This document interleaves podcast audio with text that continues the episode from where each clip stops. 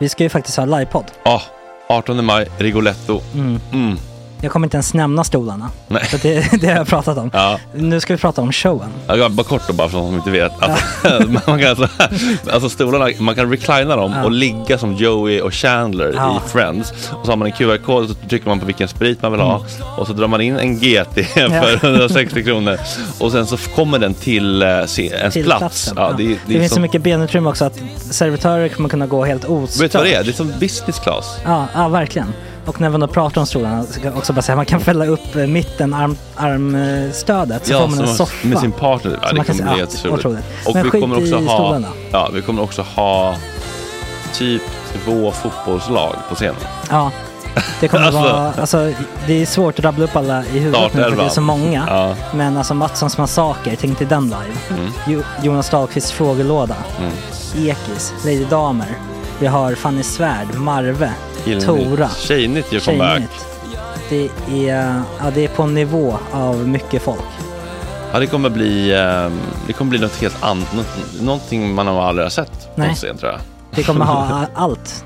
Allt kommer finnas. Cirkus och Cirkus. Och det, det som är skönt med, med de där slutna rummen är också att man kan ju faktiskt ta upp saker som man ibland känner att det här kan man inte riktigt ha ute i etern. Nej. Men om Sanna Dollan har fått någon invit från någon gift känd man så kanske man kan lägga upp det på en bioduk. Ja, Alltså vi har tillgång Fotoförbud. till... Fotoförbud. Exakt. Vi har faktiskt tillgång till bioduken. Mm. Alltså, gott snack upp på stora bioduken. Mm. Det är något nytt. Missa inte det här. Nej, det kommer bli otroligt kul. Biljetterna på filmstaden.se. Eh, ta med en god vän så tar vi Mm. med oss Johan Rabaeus. Exakt. och det kommer också vara, det, det är så mycket Förfest, det förfest i Ja. den här eh, Rigoletto-baren. Det kommer vara en hel dag. liksom. Det kommer vara en hel dag. Ja, och sen det är såklart alkohol, allting bara beställ in till platserna ni sitter på. Ni kommer liksom vara så bekväma, ni kommer ha kul. Är förfesten bara för Patreons eller? Ja, vi kan kika på det. Vi får kika på Ja, det. det kommer en hel dag i alla fall och så Det blir det någon slags efterfest också. Ja, gud ja. Mm. Vad är en Gott Snack eh, livepodd utan efterfest? Gud, det kommer bli så kul. Så länge sedan vi hade livepodd. Ja, det ska Längtar. bli skitkul. Ja, vi ses där hörni. Men, vart köper man biljetterna? Filmstaden.se. Ja, in och köp. Vi Sök på Gott Snack där bara. 18 maj. Puss, hej! Hej.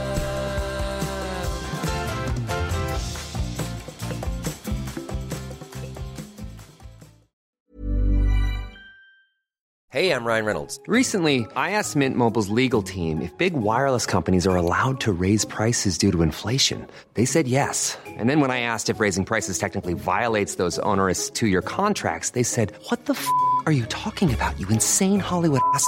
F- So to recap, we're cutting the price of Mint Unlimited from $30 a month to just $15 a month. Give it a try at mintmobile.com slash switch. $45 upfront for three months plus taxes and fees. Promo for new customers for limited time. Unlimited more than 40 gigabytes per month. Slows. Full terms at mintmobile.com. I'm Sandra, and I'm just the professional your small business was looking for. But you didn't hire me because you didn't use LinkedIn jobs. LinkedIn has professionals you can't find anywhere else, including those who aren't actively looking for a new job but might be open to the perfect role, like me.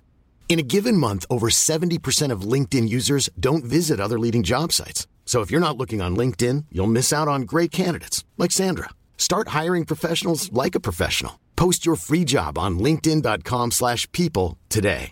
Hey Dave, Yeah, Randy. since we founded Bombus, we've always said our socks, underwear, and t-shirts are super soft. Any new ideas? Maybe sublimely soft. Or disgustingly cozy? Wait, what? I got it. Bombus. Absurdly comfortable essentials for yourself And for those facing homelessness. because one purchased equals one donated. Wow, did we just write an ad? Yes. Bombas. Big comfort for everyone. Go to bombas.com slash ACAST and use code ACAST for 20% off your first purchase. Ni har en eh, relation, eller vad säga, eller någon slags bekantskap, eller? Ja, Paula. Mm. Mm. Vi har snackat en del. Mm. Nej, men eh, bekanta via internet som eh, man är med de flesta idag. Mm. Med några gemensamma vänner har jag också, Mm. jag har också insett. Jimmy, Jimmy Camille. Var, bor, var, var, var bor du någonstans? Jag är från eh, Marks kommun, Skene, Marks med K och Borås. Mm. Kommer ifrån. Men, men var, var, bor du där nu? Nej, jag bor i Göteborg nu. Ah, Okej. Jag bor i Göteborg. Mm. Gött. Just det. Ska du på eh, tatueringsmässan för Gaza nästa söndag? Eller nästa lördag menar jag, nästa helg. Ja, om jag hinner. Om jag hinner. Jag försöker gå på så mycket som möjligt men eh, ja, man får också passa på att vila när man kan. Mm. Ja, ja. Planen är att jag ska dit. Jag har bokat in mig för en tatuering. Mm. Ja, men då kanske jag ska ta mig dit då, så vi får snacka. Ja. Bra. Ja, men det är det bra att veta. Vad ska du göra för tatuering? Mm. Jag ska göra eh, konturen av Gaza med kafémönster inuti. Och sen runt hela det konturen av Colombia. Mm. Ja, det kan bli snyggt. Mm. Ja. Symboliskt. Yes. Jag har inte en enda tatuering så jag är inte rätt person att fråga. Så. Riktigt fegis. Ja, jag har en hel del. Jag har bara en. Det är Patrik Arve från Teddy Bears citat. Skärpning på alla plan. Det tänkte jag, man- det kan man alltid stå för i alla åldrar. Ja, en av mina favoriter som jag har det är eh, eh, No Class Tattoo som gjorde, som jag fick, fick äran att göra. Eh, ett take på eh, The Gears, den här uh, krossa, vad vet du, svik väderneslandet, Just det. tända flaggan, kuken grejen liksom. Fast istället så är det att svik Ulf Kristersson, kräv, ny, reger- kräv nyval och sådär. Helt rätt. Helt rätt. Jag måste säga, jag har inte så bra koll på dig Fredrik. Ehm, jag vet liksom inte hur de här intervjuerna brukar gå till och så, men jag såg att ni hade skrivit någonting om ehm, eh, ja, men hur, hur det utvecklats över tid. Liksom. Hur, hur, hur, eh, var det det stod? Har den här. Eh, Ja, det är för att det- vi fick ju en fråga där från en lyssnare. Jag ska starta igång videoinspelningen också bara. Mm. Eh, Bara innan du startade, jag tänkte hur samhället i Palestina utvecklas under förtrycket, kultur, konservativa... Ja, om vi kan specificera det lite bara, för att jag kanske inte är Mm. rätt person att svara på vissa av de frågorna. Så, då är vi igång på det också. Det var, vi fick ju en, en lyssnarfråga från en som, som undrar lite över det där. Eh, jag tror att han, eh, han hade skrivit till dig Fredrik, någonting i stil med att ja, den, den personen hade hört tidigare att på typ 80-talet så var det inte ovanligt med palestinier i Gaza som badade i bikini och grejer. Just det. Och att nu, vad hade det blivit? Det, det, den personen hade fått till sig var att det hade blivit konservativare Mm. över tid. Bland annat. Just det. Och så. Men, men det är bara förslag, så att om du känner att du inte alls har någon koll på den Ja, men, utvecklingen, jag, så. förstår, jag förstår frågan. Jag tänker att Mm. det är det är väl det mönstret man sett i Mellanöstern över tid. När demokratier eh, man avsätter demokratiskt valda ledare, tvingar fram revolutioner, eh, betalar för Mm. vissa, vissa grupperingar för att göra motstånd mot andra. Eh, Det har vi sett i Sydamerika, det har vi sett i Mellanöstern, i Afrika, det görs över hela Mm. världen. Eh, Och med det så har väl också de progressiva, eller vad ska man säga, vänsterns medelklass också dött i många fall. Mm. Har försvunnit och när de försvinner så finns det ju ja, men eh, de fattigaste och oftast de religiösa grupperna kvar. Och Mm. det blir de som organiserar. I fallet Iran var det ju så. Det var därför under revolutionen som de fattiga och eh, mullorna då, det var de som, eller att de religiösa då samarbetade. Mm.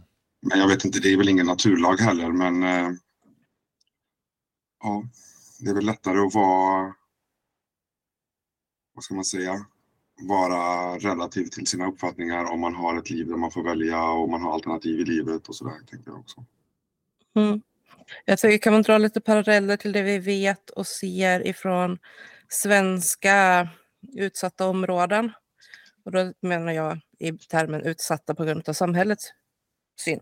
Utsatta ehm, områden där, man- där man liksom kan se att många som är unga där idag har betydligt mer konservativa värderingar än vad deras föräldrar har, som var de som invandrare till Sverige. Mhm. Eh, att eh, bland annat sån här med sedlighetspolis eh, och liknande, att det upprätthålls mycket mer av yngre personer som är födda i Sverige av invandrade föräldrar Mhm. än vad de själva faktiskt står för de Man sakerna. har inte det lite med det här identitetsgrejen att om man är liksom andra, andra generationens så, så känner man ett större behov av att poängtera sin identitet och hävda den Mm. eller gå tillbaka till sin röt, rötterna för att känna liksom någon tillhörighet när man möts av eh, när man inte kan tillhöra den kulturen man bor i och lever i. När man inte får Mm. tillåts tillhöra så blir det väl så också. Mm. Jag tänker att det finns en röd tråd i det att människor generellt vill må bra, vill ta hand om sina barn, vill ha en framtid. Har man Mm. möjligheterna, om de materiella förutsättningarna i livet tillåter det så, så det det är väl ingen som vill kasta iväg sitt liv på, på, på ingenting. Mm. Ja, och det, alltså det som väl, vi pratade ingen naturlag, men någonting som verkar vara lite av en naturlag är väl också det här att i oro, i utsatthet och så, så tenderar människor generellt att bli mer konservativa. Det gäller ju även alltså, om vi tittar till pursvenskar eller vad man ska kalla det för, eh, här i Sverige. Så nu när det har blivit den här ekonomiska instabiliteten och oron, vad ser vi bland Svenssons svenskar? Jo, men de blir också konservativare. Mm. Plötsligt har vi debatten om eh, hur hemskt det är med drag queens som läser sagor för barn och man börjar prata igen om att vi måste kanske börja förbjuda pride-tåg för att det är så hemskt med homosexuella på gatorna. Och, Mm. Men överlag liksom det här konservativa tillbaka. Det, män ska vara män, kvinnor ska vara kvinnor. Vi ska inte hålla på med något genustrams och jämställdheten har gått för långt och så vidare. Med skillnaden då att svensken kan ju inte skylla på att en annan makt regelbundet bombar oss Mm, för att vi inte ska eh, kunna bygga upp vårt samhälle. Medan Gazaborna, även så långt innan 7 oktober, liksom har levt i en vardag av att det kommer bombräder för att förstöra infrastruktur, för att förstöra möjligheterna att bygga upp ett, ett normalt liv. Jag, jag tror inte det är nödvändigt att man blir konservativ för att man, man har det hårt i livet. Det, det, ja, det, det kanske är en korrelation men inte mer än så. Jag tror inte det är rätt sätt att benämna varför. Står det någonting i den studien om varför? Vad är orsaken till konservatismen? Och gäller det då alla de punkterna du nämnde där? Det låter ju mer som en västerländsk konservativ som är emot kulturen och hela den grejen. Mm. Nej, det, det tar ju sig givetvis olika uttryck i olika kulturer, olika tider och sådär. Men det man har hänvisat till som eh, en förklaringsmodell till varför människor tenderar att bli mer konservativa handlar om trygghet. Att det konservativa ser ju väldigt mycket bakåt. Så här har det alltid varit. Eh, roller och ramar är väldigt liksom, tydliga. Mm. Och när man då upplever mycket otrygghet för allting runt omkring så blir det en form av trygghet att kunna luta sig tillbaka och kunna säga "Ja, men så här har vi alltid gjort eller så här har det alltid varit. Och så håller man jättehårt i det. Eh, Medan så har man en ekonomisk trygghet, stabilitet i livet, ett hem, alltså alla de här bas... Vi vi har ju pratat i något annat avsnitt om det här med behovstrappan. Alltså ju mer som är uppfyllt av den eh, och ju tryggare man liksom är i allt det andra, ju mer frihet ges jaget, eller vad man ska säga, att faktiskt kunna våga testa nytt. Mm. För att man vet att man har en annan trygghet att falla tillbaka på, men allting annat känns oroväckande och hemskt och, och svårt att hantera. Och då blir det värderingen av den tryggheten man kan bära med sig, det man kan hålla fast vid. Jag, jag brukar eh, kanske lite slarvigt citera Walter Benjamin via Zizek när han säger att eh, behind every fascism there's a failed revolution. Och jag tänker Mm. att det kanske också är så vi ska se på våra egna tillkortakommanden som folk som lutar kanske åt vänster eller så. Att vi Mm. har inte lyckats bygga en vision mot den här konservativa tanken om att, om att gå tillbaka i tiden. Så när vi, när, de, när vi alla ser på en mörk framtid så väljer ju de att hämta sina lösningar i dåtiden medan vi, vill- vi vill ha nya lösningar. Och vi har misslyckats med att måla upp en, en realistisk vision som folk kan tro på och kämpa för. Eh, Det är det jag är övertygad om. Eh, Det, det, Mm. Det, det håller jag med om. Det tror jag jättemycket på och återkommit en del till kring. Om man bara ser i vår egen lilla ankdamm till den svenska politiken och så att den största bristen nu när alla partierna, förutom typ Vänsterpartiet och Centern, eh, så uttalat hela tiden slåss om SDs väljare. så är det att de ser inte den här sista lilla pusselbiten av vad det är SD har vunnit i.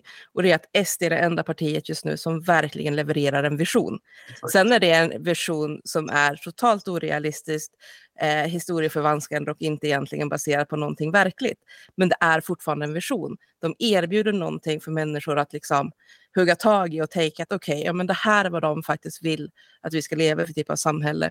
Och det är klart att det låter jättemysigt med liksom Bullerby-ideal och alla har det jättemysigt och man går hem till varandra och käkar middag och det är ingen brottslighet och solen skiner alltid och så vidare. Mm. Alltså det är klart det är, liksom, det är jättemysigt. Men de andra partierna har ingen sån typ av vision. Ja. som faktiskt blir någonting att ta på. Utan det är de här luddiga orden av att alla ska med och det är klart att vi ska ta hand om varandra och liksom så här. Man bara, ja, varför, jättebra, men... varför, varför, tror du att vi har misslyckats så? Vad, vad, är det som gör att vi inte kan vara mer konkreta istället är så luddiga? Um, om jag ska vara internkritisk här nu. Jag kommer säkert få, vi kommer säkert få några så här sura vänsterlyssnare nu mm. på oss, men det, det får vi leva med. Uh, jag, jag skulle ju säga att vi har gått vilse och och det här säger jag ändå som en väldigt varm förespråkare av eh, att tänka intersektionellt och så. Men jag skulle säga att vi har gått vilse i det intersektionella tänket. Att det, det kom som ett modeord, folk började slänga sig med det, men de visste inte riktigt egentligen vad det här handlar om. Och i slutändan så blev det så här, alltså, men jag har ju sett folk som liksom blivit skitförbannade för att man bara, nej men ni kan inte använda ord som patriarkatet eller klasskamp eller så. För det är för svåra ord, arbetarrörelsen förstår det inte. Och så fördömer man ner hela liksom eh, arbetarskrået, alltså alla som liksom inte jobbar med högakademiska arbeten typ och bara, nej men de, de förstår inte sånt här, ni kan inte använda så. Så blir man inte, bara fast om arbetarna som inte ens hade fått lära sig att läsa på mitten av 1800-talet, slutet av 1800-talet kunde ta till sig Marx. Vad är det som skulle förhindra dagens arbetare från att kunna ta till sig vänsterideologiska resonemang och begrepp? Och ändå sitter man där och säger liksom att vi, för att man ska inkludera alla så får vi inte använda svåra ord. Vi får inte göra ditten och datten. Och då blir det också väldigt svårt att börja måla upp någonting som en vision av hur man vill att samhället ska se ut. För att någonstans fastnar man i orden istället för att faktiskt börja försöka formulera ut de här tankarna.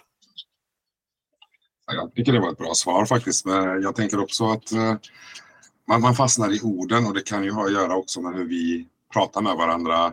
Vi alla har liksom 2014 gått på modeorden och gjort de där grejerna. Men vi kanske på grund av omständigheternas natur och hur, hur kass samtiden har blivit kanske måste rival, liksom, tänka om där Eh, mm. Alltså, jag vet inte, jag tänker att eh, vi har också, alltså det är inte så att arbetarklassen inte förstår, men jag tror att det finns problem i, i den samtida diskursen som också inte diskuteras riktigt. Ett exempel kan ju då vara rörande RFSLs utlåtande om, eh, om Gaza som kom ut för inte så länge sedan där de plikttroget, ja, de säger inte så mycket. Och det tar ungefär 5 till 10 sekunder att googla på RFSL och Ukraina och se vad de gjorde under mm. den tiden. Och då tänker jag att ett problem som uppstår där, och det vet du säkert mer än mig, eh, Paula, det är hur kan en person som kan tillhöra majoritetskulturen, den är ju minoritet som hbtq, men mm. kan välja den kappan i olika rum och därmed välja eh, förtryck eller inte. Och samtidigt då mm. frågor som det här väljer förtryck och, och, och, och lojalitet till den vita gruppen, mm. inte den andra. När egentligen vår, vår liksom analys borde vara att alla marginaliserade grupper, alla förtryckta grupper, ingen är fri tills alla är fria etc. etc. Eller hur? Mm. Så då landar man man har inte den analysen tänker jag och, och det är ett mm. problem.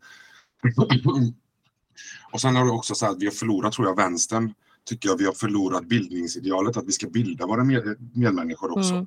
Utan vi har förväntat oss att alla ska veta. Samtidigt sitter vi egentligen och vet inte för vi tar amerikanska teorier som vi bara kopierar rakt över hit. Mm. Inte ens har samma förhållanden som de har i USA. Och sen så sitter vi, sitt, säger vi till folk sitt ner, jag har tolkningsföreträde, sitt ner. Bara som mm. medmänniska, hur kan jag prata till dig på det sättet? jag är inte världens bästa. Jag, jag mobbar folk på Facebook också, jag fattar. Men alltså, det är liksom inte en bra strategi politiskt som vi hade där under många år eh, och som uppenbarligen inte fungerat. Så jag är inne mycket på att vi kanske ska gå tillbaka till de materiella förutsättningarna och gå till kärnan av vad politik är. Eh, för vi har inte råd med alla de andra lyxfrågorna. Till exempel eh, om vi pratar om intersektionalism då.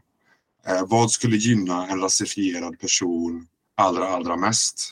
Eh, vad, vilka, vilka konsekvenser har handlingar rasism mot den personen?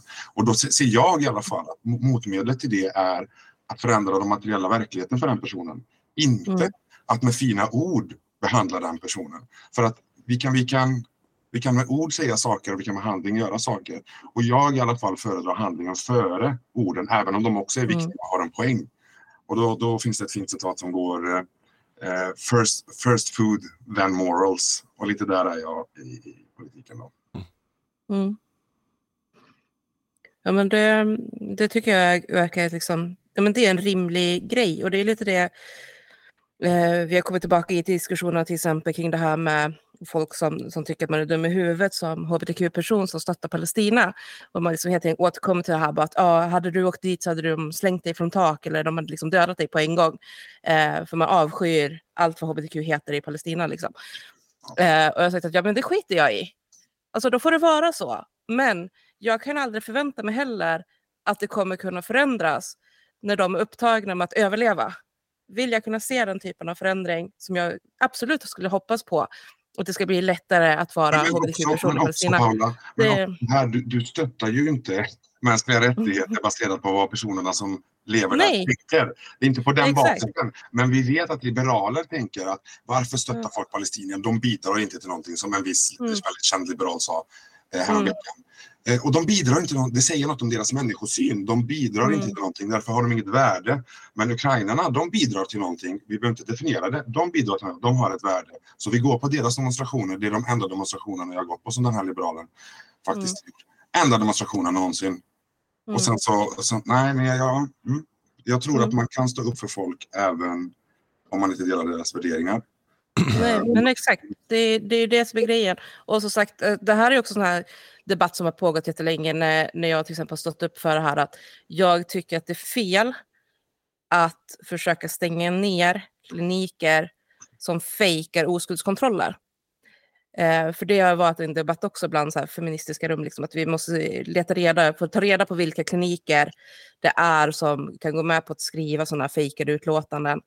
Eh, och eh, se till att de stängs för att de bidrar till att upprätthålla den här eh, patriarkala synen. Eh, och då tänker jag så här, men vad är det som kommer hjälpa de kvinnorna som faktiskt söker den här hjälpen? Blir de hjälpt av att man stänger de här klinikerna? Eller blir de hjälpt av att kunna vara kvar i samhället och få den här processen av att kunna komma ut friare på andra sidan? Och jag är helt övertygad om att hur känslomässigt fel det inte kan kännas för en, en västerländsk liberal feminist att tänka saker som eh, könade badtider, kliniker som tillåter sig att fejka oskuldskontroller och så vidare. Så alltså så att ja, jag tycker också att det absolut bästa givetvis vore att alla kvinnor får gå och bada när de vill utan att behöva oroa sig för att bli, någon ska se ner på dem för att de har varit badat när män badar. Men vi vet, alltså, ju mer, hur ska man säga, ju mer man exkluderar, ju mer man pekar ut att den där gruppen, den gruppen är problemet, eh, ju mer man alienerar dem och är aggressiv mot dem, ju mer sluter sig den gruppen också och håller fast vid sitt liksom. Så vill man någonstans bryta igenom och, lä- alltså, och få, få fram någonting annat, så är det så här, ja, men då måste vi ge och ta. Då måste vi någonstans kunna säga att men vi ser vissa saker så vi tycker att vi gör bättre. Vad har ni som ni gör som kanske skulle vara bättre än det vi gör? För det är alla kulturer har saker att lära ut. Alla kulturer har saker som är sämre. Jag tror det var en kurslitteratur vi hade som Susan M. Hawking nämner det här med eh, yttre skydd och intern restriktion tror jag det är. Hur, Mm. hur då man kan skydda en minoritet från majoritetskulturen samtidigt som man har restriktioner inom minoritetens grupper mot exempelvis då diskriminerande handlingar vad det kan vara. Jag, jag tycker inte det är en rätt fråga och jag är inte... Jag, jag vet inte, jag har inte så bra idéer här. Utan jag tänker att det, det vi har förenklat det grovt Mm. i våra samhälle idag. Eh, samtidigt här, vad är det som avgör om en kultur är bättre än den andra? Jag brukade tänka att jag kanske är någon slags kulturrelativist. Men ehm, ja, det är jag väl. Det är jag väl, men jag bara tänker att eh, den här västerländska hegemonin om att den västerländska liberala demokratin är bättre än de andra har ju fått sig en rejäl törn med det som händer i Gaza. Mm. Ehm, och det, det ifrågasätter alla de här västerländska institutionerna. Som, som till och med jag har trott på. Låt, låt, jag ska vara ärlig, liksom jag har själv trott på det här och velat att det ska vara sant som ung. Men eh, nu är det explicit, lögnen är explicit liksom. Och, och Mm. ja, framtiden är mörk. Mm. Är det vad du också känner, Fredrik? Att framtiden är mörk? Alltså, in the long run så ser jag ändå ljuset. För jag tycker ju att fler och fler verkar ändå få upp ögonen för liksom, lögnerna och eh, propagandan och eh, liksom, det katastrofala projektet Israel. Mm. Men på kort sikt så är det mörkt. Mm. Verkligen. Um, jag tänkte bara en sak till först innan, innan vi går vidare med de frågorna, de ämnen jag ändå hade förberett. Eh, jag vet inte, har ni sett eh, den här debatten som har brutit ut nu med biståndsministern? Han har gått ut och sagt att det är ett bra beslut att eh, stoppa, vad heter det? Stoppa Unvra. bistånderna. Ja, Vad var det han har sagt? Nej, att han står bakom det beslutet. Han tycker att det är ett bra beslut att man eh, liksom pausar biståndet just nu och så. Och jag hade en som skrev till mig att han hade frågat då biståndsministern liksom så här, bara att ja, men om vi nu tycker att det är ett bra beslut att den här hjälporganisationen inte ska få bistånd eh, baserat på att eh, vad var det, så, en halv promille, inte ens det, av de anställda har pekats ut för, för att eh, vara del av en terrororganisation. Eh, borde vi då inte stoppa också då vapenhandeln med Israel när de ändå står åtalade för folkmord? Alltså det är precis där jag är idag. Förlåt, jag får Mm. bara säga det här, men jag är precis där idag. Det, hela den här terrorstämpelgrejen som används som ett maktmedel mot folk som inte ens bemedlade har tofflor på sig när de krigar. Mm. Hur, kan man, hur kan man vara allvarlig när man fördömer en organisation som, som en terrororganisation när man samtidigt är världens största terrorskapare och organisation och samarbetar Mm. med Israel, USA och Israel. Så det, det, är man inte konsekvent i den definitionen så är den skitsamma. Varför använder vi den då i så fall? Mm. Ehm, och det där med UNRWA, alltså det var först 12 personer sa de att det var inblandade av 30 000 eller vad är det, hur många är det som jobbar där? Mm. Ja, 30 000 har de sagt är anställda innan. Så, och sen så visade det sig vara fyra så att eh, det är bekräftat nu att det Mm. inte var 12. Alltså hur många gånger ska vi, börja, ska vi lita på Israel? Agera dessutom, inte bara lyssna utan agera. Mm. Och sen eh, visade det sig vara fejk. Al-Shifa-sjukhuset, eh, bebisarna som var halshuggna etc. etc. Det, Mm. det, det är ju ett återkommande tema. Mm. Men ändå agerar vi åt ena hållet och inte andra. Mm. Precis, men det är i samband nu det här, och det, och det tycker jag ändå, apropå det du sa Fredrik, att, att folk bör vakna upp. Eh, ett av de bästa klippen som har kommit nu på senaste, det är ju det här från CNN, som ändå har varit jättepositiva till Israel genom allt det här återkommande, gjort reportage och grejer vinklade till liksom hur, hur viktigt det är att Israel får försvara sig. Och eh, nu har till och med de fått göra ett inslag liksom av att ja, Israel har förstört 12 kyrkogårdar, eller kyrkogårdar med gravplatser i norra Gaza. Och så hävdar de att det handlar om att de antingen har letat efter döda gisslan eller att eh, Hamas skulle ha haft tunnlar eh, under de här eh, gravplatserna. Och eh, en CNN-reporter varit inbjuden att få komma och se en av de här gravplatserna. Då. Och när han frågar om han får se tunneln så säger de nej.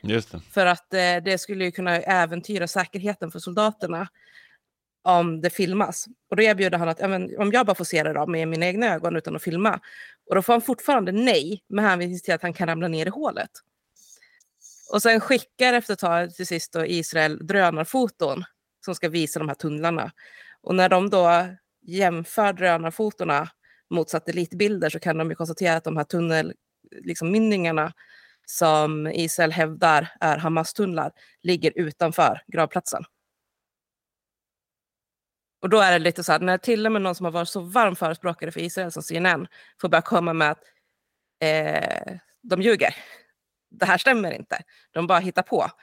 Då har det börjat gå ganska långt i att Israel faktiskt fuckar upp sin propaganda nu och folk börjar se igenom det. Och jag vet inte om det är lika delar bra som skrämmande kanske. Men det, det kommer alltid en punkt när de inte kan eh, hålla fasaden längre ut om det är sann. Storyn är ute så, så, på så många ställen att de måste eh, gå med. För annars riskerar de liksom helt och hållet sin trovärdighet. Mm. Eh, det kunde vi se under Irak också. Efter ett tag, då började de här säga det vi alla andra redan visste. Mm. Vad tror du Fredrik? Alltså vad det kommer att få för konsekvenser? Ja, men det är det som är så jävla läskigt, att liksom folket kan ju vakna och jag menar makthavarna vet ju, men det är så jävla starka ekonomiska intressen och politiska intressen så att de skiter ju bara hit. Det är det som gör att man vill göra revolution, gå ut, gå ut på gatan med ett gevär. ja, det tyckte jag var tydligt också när han, eh, eh biståndsministern svarade till sist på den här frågan om, om varför man fortsätter då stötta Israel. Och då, för då svarade han att Sverige har en, in, håller inte med om definitionen eller liksom det här beslutet. Eh, man håller inte med om att det, det Israel gör är ett folkmord eller riskerar att bli ett folkmord. Och att det är skillnad på skattepengar och handel. Men så vitt jag vet, så senast jag kollade i alla fall, så bestod ju Försvarsmaktens pengar av skattepengar. Så jag vet inte riktigt hur det kan vara skillnad att ge skattemedel i bistånd eller att lägga en eh, pengapåse från skatten till Försvarsmakten som sedan köper in militär utrustning från Israel. Mm. Kan inte ni känna att de senaste 10 åren, 15 åren, att vi alla de här debatterna, diskussionerna, de, de var påhittade. Vad, vad håller vi på med? Vi vet ju. Alltså, mm. Sverige handlade med Ryssland trots att de fördömde alltså det. Gas köpte vi ändå. Alltså det, varför, varför låtsas vi? Vi vet liksom att pengarna till UNRWA, det, det är politiska skäl. Vi går med i NATO så nu har vi ingen egen åsikt längre. Varför, ska vi, varför köper vi dem, deras världsbild? Den är inte legitim längre. Den, den har ingen bäring. Det, är det bara mm. jag eller? Nej. Nej. Men jag undrar om det har blivit, alltså vi har, nu menar vi som en bredare aspekt här, men, men liksom det svenska folket, alltså det har varit fred så länge vi är inlärda på något sätt att vår stat kan man lita på. Vi har jättelite korruption, vilket delvis beror på att vi själva definierar vad korruption är och därför säger att saker som egentligen borde ses som korruption inte alls är korruption. Um, och så vidare. Men, men att ändå liksom ha gett den här känslan för, för svensken i stort att vi kan lita på staten. Och det är därför till exempel under corona som man pratar om det här att den svenska metoden som vi hade hade inte funkat i i princip något annat land. För där hade man inte litat på staten på samma sätt som man gjorde här. Att när vi var tillsagda att följa vissa typer av direktiv så gjorde den absoluta majoriteten det. Utan att man behövde hota med jättefeta böter eller fängelsestraff eller som i Kina att man helt enkelt kom och spikade igen dörrarna så folk inte kunde gå ut om de hade blivit smittade. Um, och så, folk liksom bara, ah, men säger staten så, då gör vi så. Uh, i, I väldigt stor liksom, omfattning. Och det tror jag följer med nu, för jag vet inte, alltså bland de absolut vanligaste kommentarerna jag får just nu eh, kring, kring det här med Gaza och hur mediebevakningen ser ut, hur politikerna pratar, hur, vad staten gör och så vidare. Det är liksom det här att, att folk bara, jag har tappat typ så mycket förtroende för allt jag trodde att vi kunde lita på.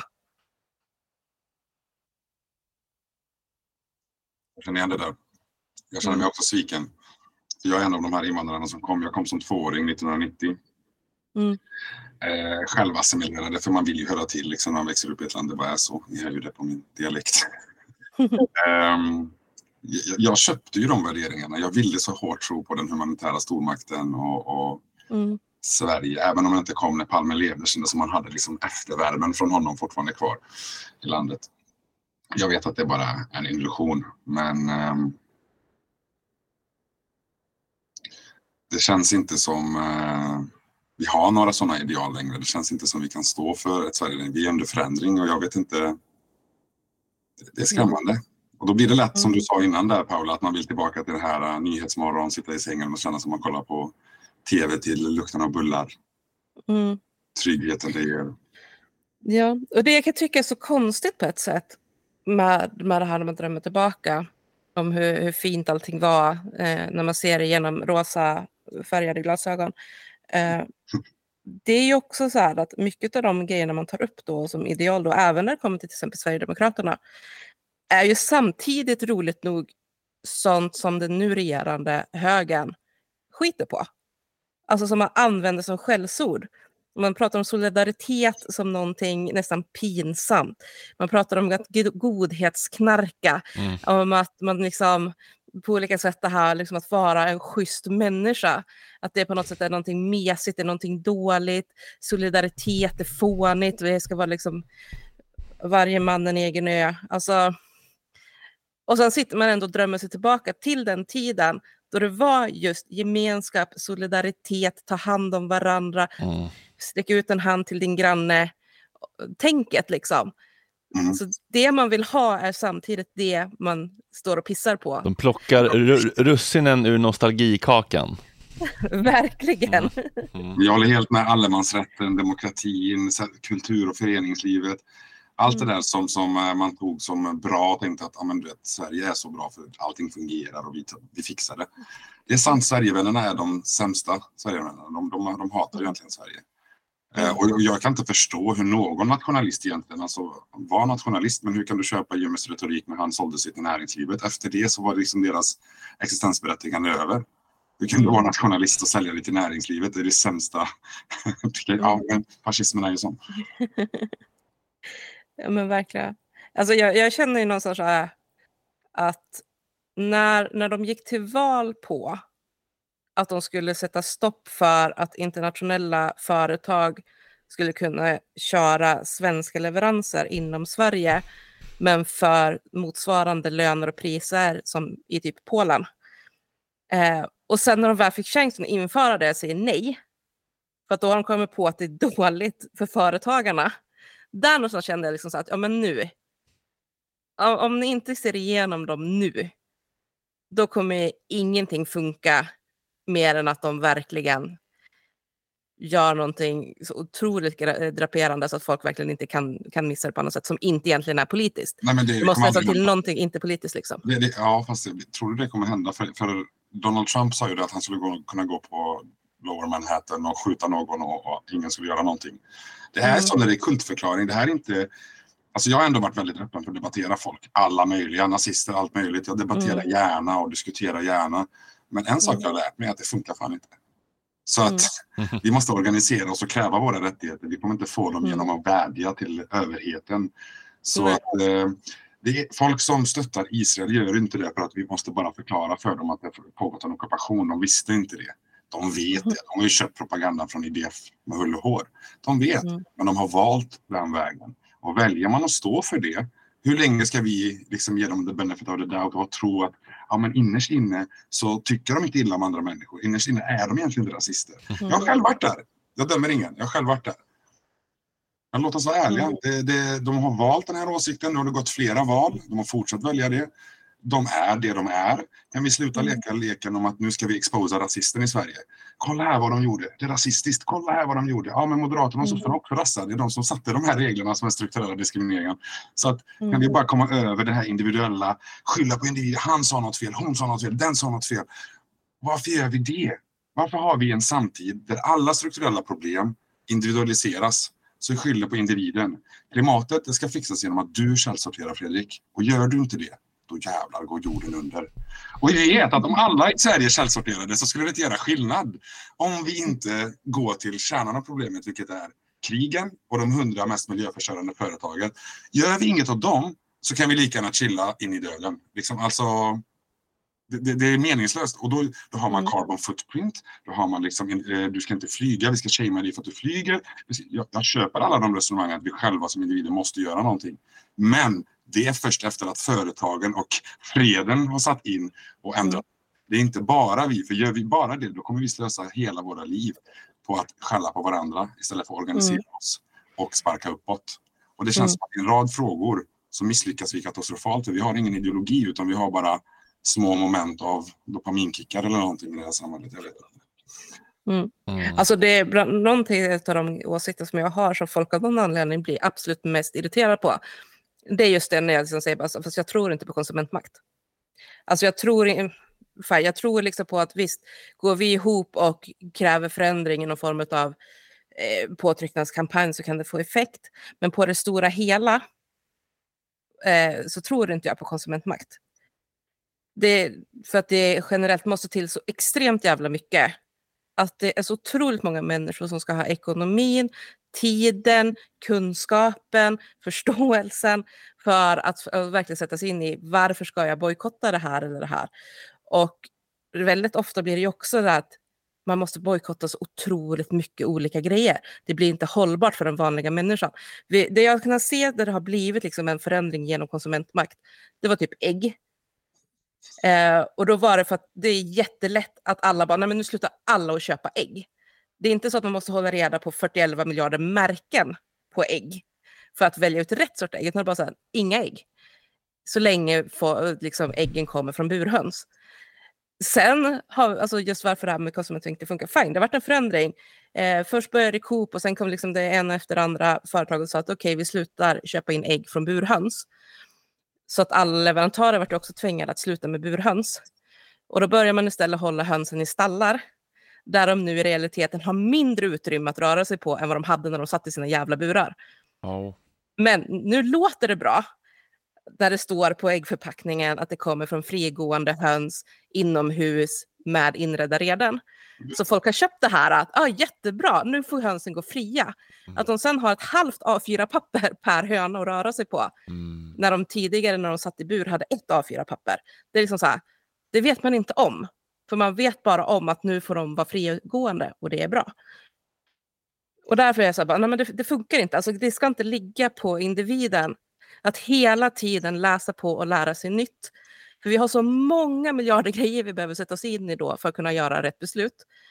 Så att vi ska, alltså, det, det är min starkaste övertygelse liksom, hela tiden att nej, det måste till förändring som gör att konsumenten ska inte kunna välja fel.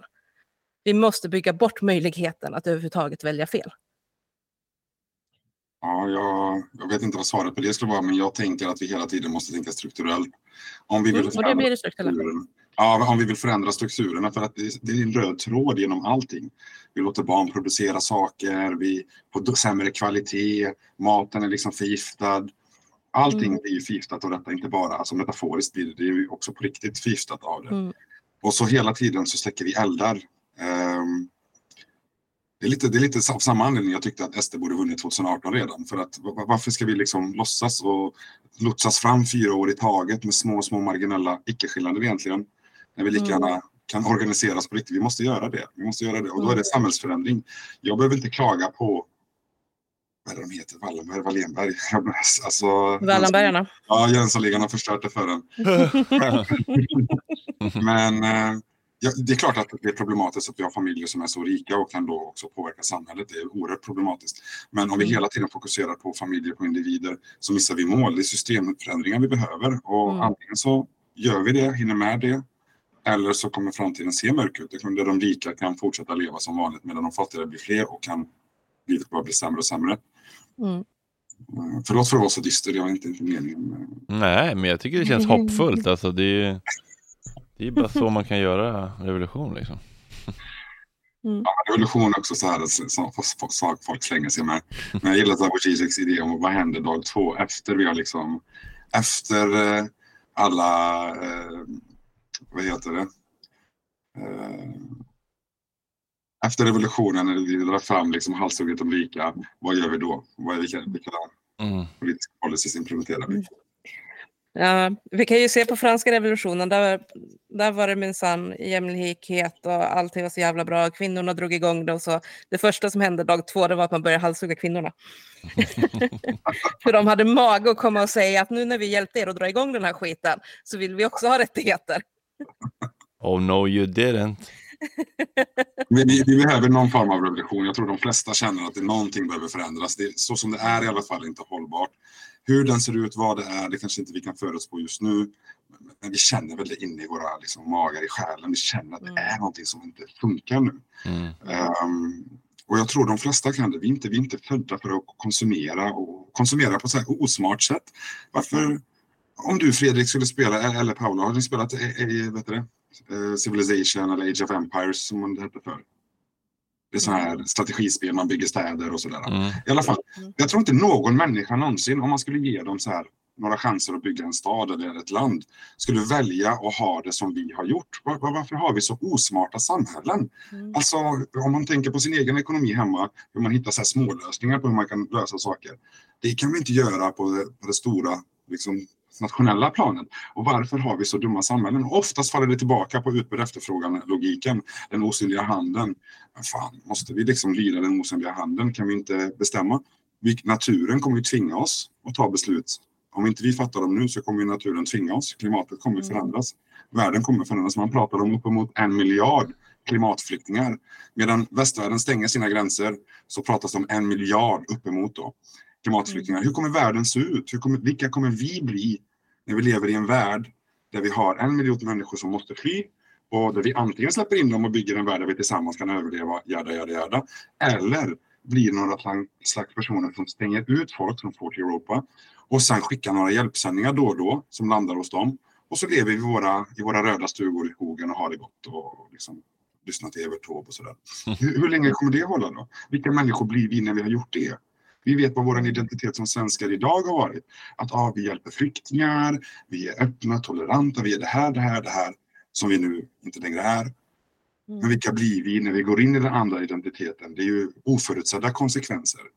Och det tycker jag är intressant att tänka på. Vilka, vilka blir vi i den världen? Mm. Men jag tror att just hela det här som händer nu i Gaza så sätter ju också lite spotlighten på det här vad vill vi egentligen som samhälle? Vad, vad, tycker vi är värt för ekonomin? Och jag tror att det är en bidragande orsak till att det har blivit så pass stort i Sverige just nu. För att jag menar, det, det är inte som att det här är det första eller enda folkmordet som har skett i världen de senaste åren. Eh, men det är någonting speciellt med Dels är det att det är det första som liksom blir livesänt, att alla kan ta del av det. Mm. Och sen är det barnen. Och det går ju liksom att dra till med hur mycket fina ord man vill om att det är hemskt oavsett åldern på den som dör och så vidare. Men let's face it, vi blir alla mer berörda när det är barnen. För de är så skyddslösa. Och det är också de enda som man verkligen 100% kan peka på och säga att en nyfödd liten bebis har fan inte skuld i vad de vuxna sysslar med. Punkt. Liksom. Um, så att det, det påverkar så himla mycket. Och eh, den här envetna liksom, svenska självbilden av att vi är den humanitära stormakten, vi är den moraliska ryggraden i världen och så vidare, har ju fått så en sån jävla knäck av att plötsligt stå här och ha politiker som argumenterar för varför det är okej att så här mycket barn dör. Och det tror jag är starkt bidragande till att den här uppståndelsen och uppmärksamheten mot Palestina dels sker överhuvudtaget men också att den bibevaras än så länge. Ja, att den liksom alltså, inte tappar momentum. Jag känner ju det, eller nu har jag ju tappat momentum bara för att jag inte orkar, för att jag är på att gå sönder. Men så här, jag hade inte känt något behov av att folkmordsstrejka utanför riksdagen om våra folkvalda politiker representerade mina värderingar om mänskliga rättigheter. Liksom. Mm. Det, blir, det blir ju det blir man känner ett behov av att höja sin röst när ens företrädare ligger så långt ifrån ens egna värderingar. Mm.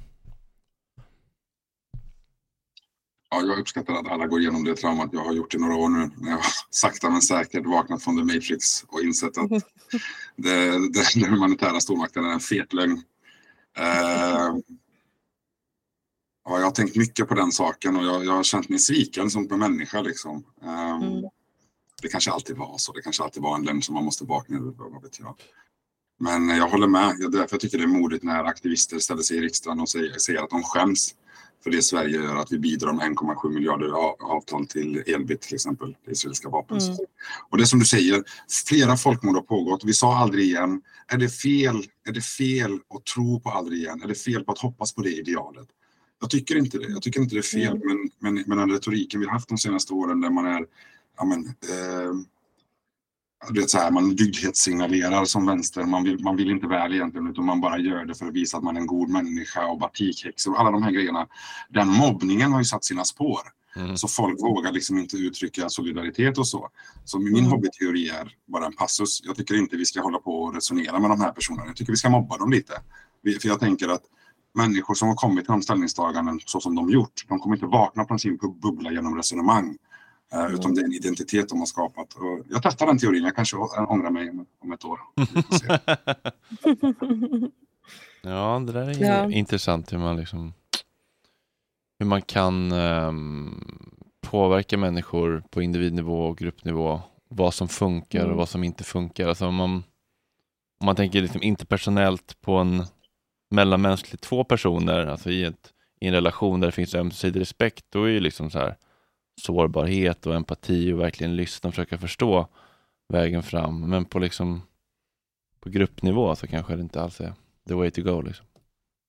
Jag håller helt med för att du gör våld på dig själv när du gör det också dessutom online. Om du är en sån här internetkrigare som jag är ibland så gör man ju våld på sig själv när man liksom uttrycker idéer och sen låter vem som helst trampa på en Eh, och ens idéer hur som helst. Eh, så att med det, det är inte en good faith diskussion, det är en bad faith diskussion som sker där. Och vi kan inte behandla folk som är ocivila helt civilt. Eh, Utan jag skulle aldrig tolerera det face to face heller, så jag förstår inte varför jag ska göra det online. Men jag håller helt med dig, när man, jag har pratat med folk i alla läger. Sitter vi hemma på en fest eller någonting så pratar jag gärna och, och diskuterar och där kan man också förstå varandra mer. Man har liksom inte bara språket utan känslan i rummet och sådär. Man kan skoja med varandra. Eh, Man kan säga liksom saker som, som förklarar varför vi har mer gemensamt än vad vi inte har gemensamt. Och vi blir båda lurade för att tjafsa mot varandra till exempel om man pratar med någon som är väldigt höger. Eh, det- det- Och den har ibland fungerat. Den kan fungera face to face. Eh, men sällan på internet. Och, och, och folk är inte intresserade av att läsa en avhandling. De är intresserade av konflikt. Och dynamiken är sån. Det är olyckligt. Men jag tänker att vi, vi har varit lite fega. Vi har varit lite svaga. Och vi, vi, vi måste våga visa liksom att nej, ni, ni står för saker som egentligen är helt idiotiska. Saker som är farliga och dödliga. Och vi ska låtsas, och vi ska truga och be om våra rättigheter och våra chanser att inte döda barn i Gaza, att inte stödja det. Vi ska liksom komma med akademiska texter, källor i mängder och de kan dra argument ur röven och vi ska bara debattera varje argument. Så vad som händer är att många i högern, bara man lägger ut ett argument, tröttar ut den när man svarar med sina eh, argument och förklaringar. Och sen så lägger de ett nytt argument, de bara flyttar the goalpost, flyttar Mm. mållinjen hela tiden. Och vi går på det varje gång. Någon höger säger något rasistiskt. Halva Sverige går upp. Ja, det var rasistiskt. Men varför stannar det där? Varför går vi och blir chockade över när en rasist säger något rasistiskt? Det räcker nu. Det är inte det vi behöver. Vi behöver att folk organiserar sig i sina lokalsamhällen bland annat. Och vi behöver, vi behöver bli mer medvetna. Vi behöver läsa på mer. För att högern är inte dumma. De, de läser på. De känner till sina filosofer och våra. Men vi gör inte det. Så vi, vi, vi tappar mycket. Mm. Vi, jag generaliserar självklart. Precis. Ja, word.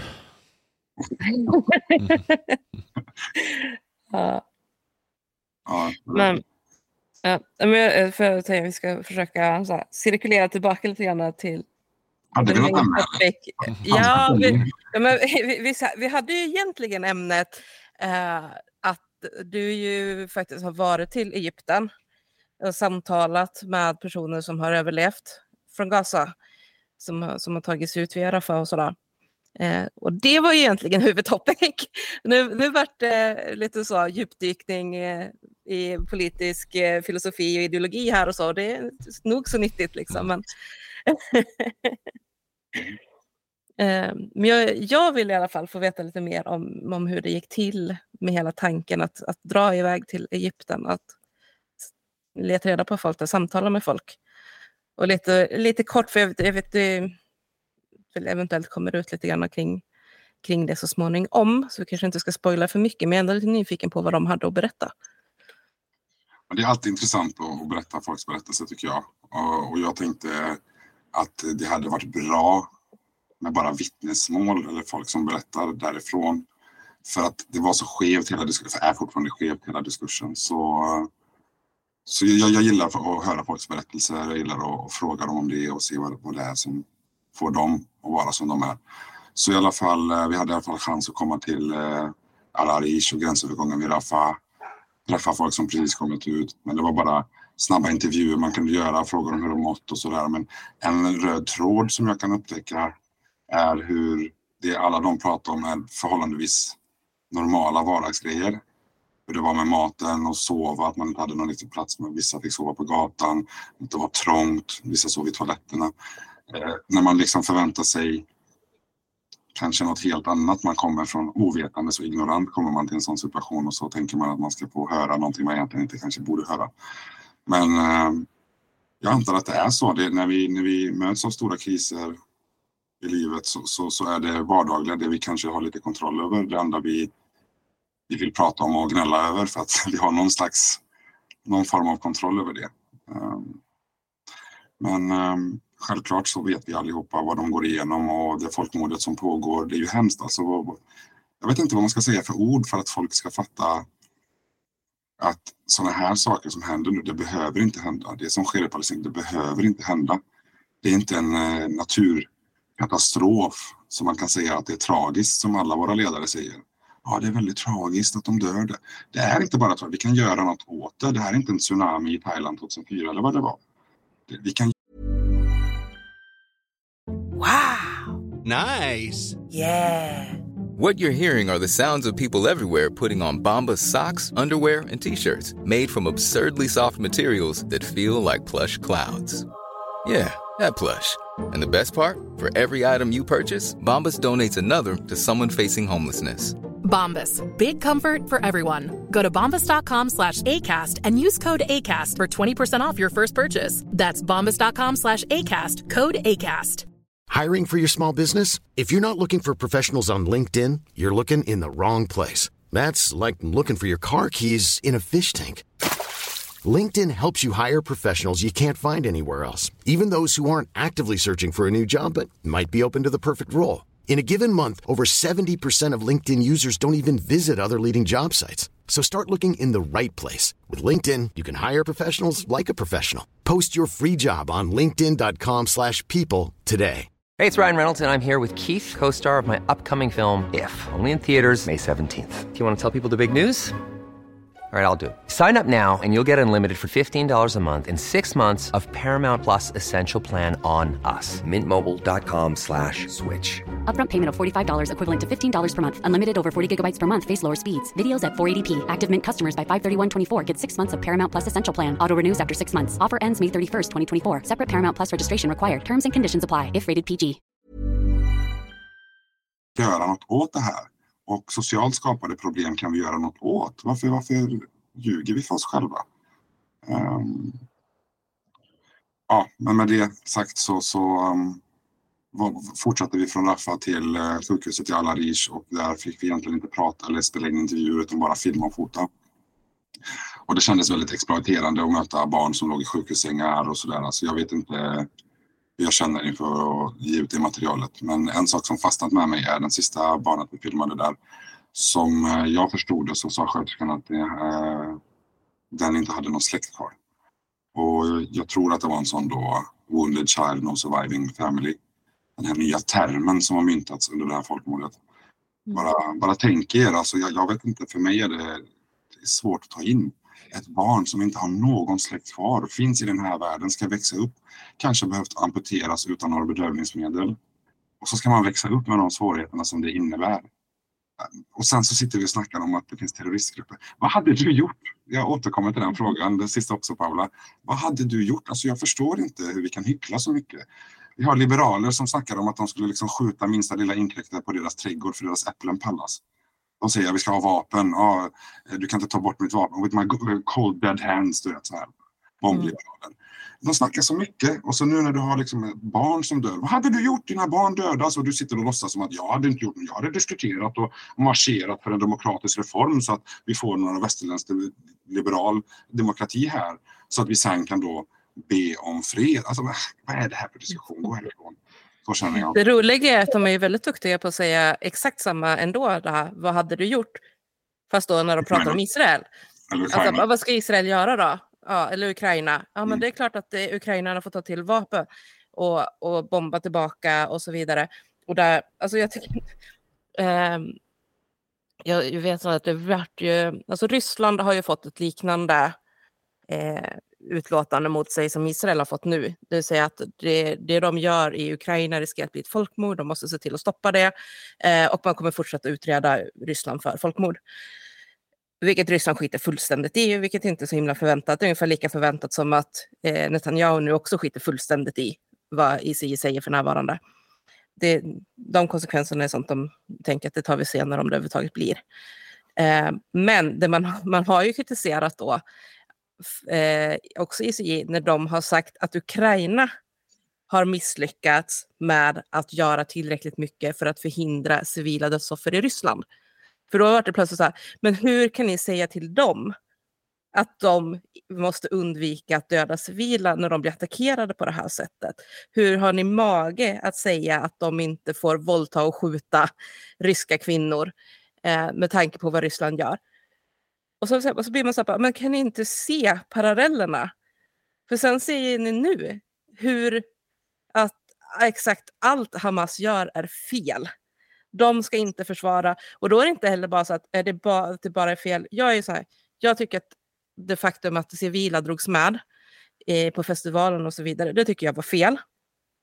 Men jag fördömer på icke, inte något sätt, att de spräng eller liksom rev muren, att de tog sig in på militärbaser och att de faktiskt dödade militärer. Det skiter jag fullständigt i. Eh, för att militära mål är legitima mål. De har enligt internationell rätt all rätt att attackera eh, militära mål. Punkt. Det finns liksom ingenting att diskutera. Men att då plötsligt börja bli, nej de får inte skjuta tillbaka, nej de ska inte göra så, nej de ska inte. Och sen eh, när- när Israel bara fullkomligen slaktar civila så blir det plötsligt, ja men vad ska de göra då? Israel är ju den som har flest, eh, flest resolutioner mot sig, FN-resolutioner mot sig i världen. Mer än alla andra gemensamt. Gemensamt. Eh, jag vet inte, jag sa det i början och jag säger det igen att de västerländska institutionerna håller på att falla och med den här frågan så är det avgörande. Jag vet inte om de någonsin varit något annat än ett, ett maktmedel mot fattiga bruna människor. Eh, jag hoppas dock att vi har globala institutioner för att de problem vi ser framför oss i världen, de är globa- globala till sin natur och de är tidskänsliga så vi behöver överstatliga och mellanstatliga samarbeten. Jag vet inte hur vi ska göra det, men vi behöver det.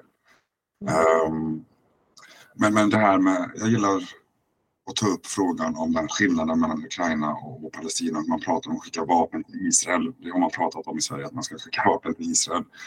Ehm, och så säger du då Paula, ser man inte hur detta är hyckleri eller dubbelmoral?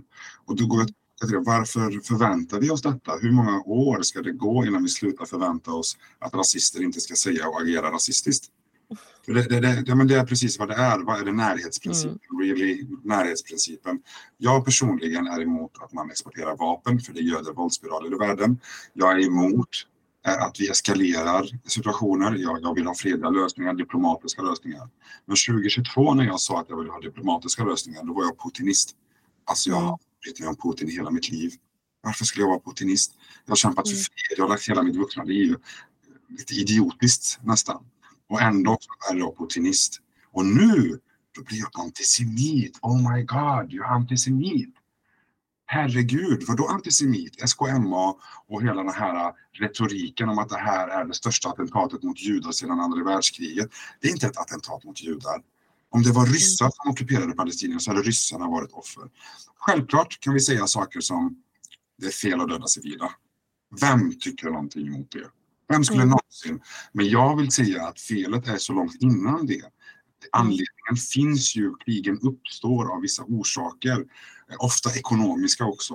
Eh, Men de orsakerna är inte intressant att prata om. Fred är inte intressant att prata om.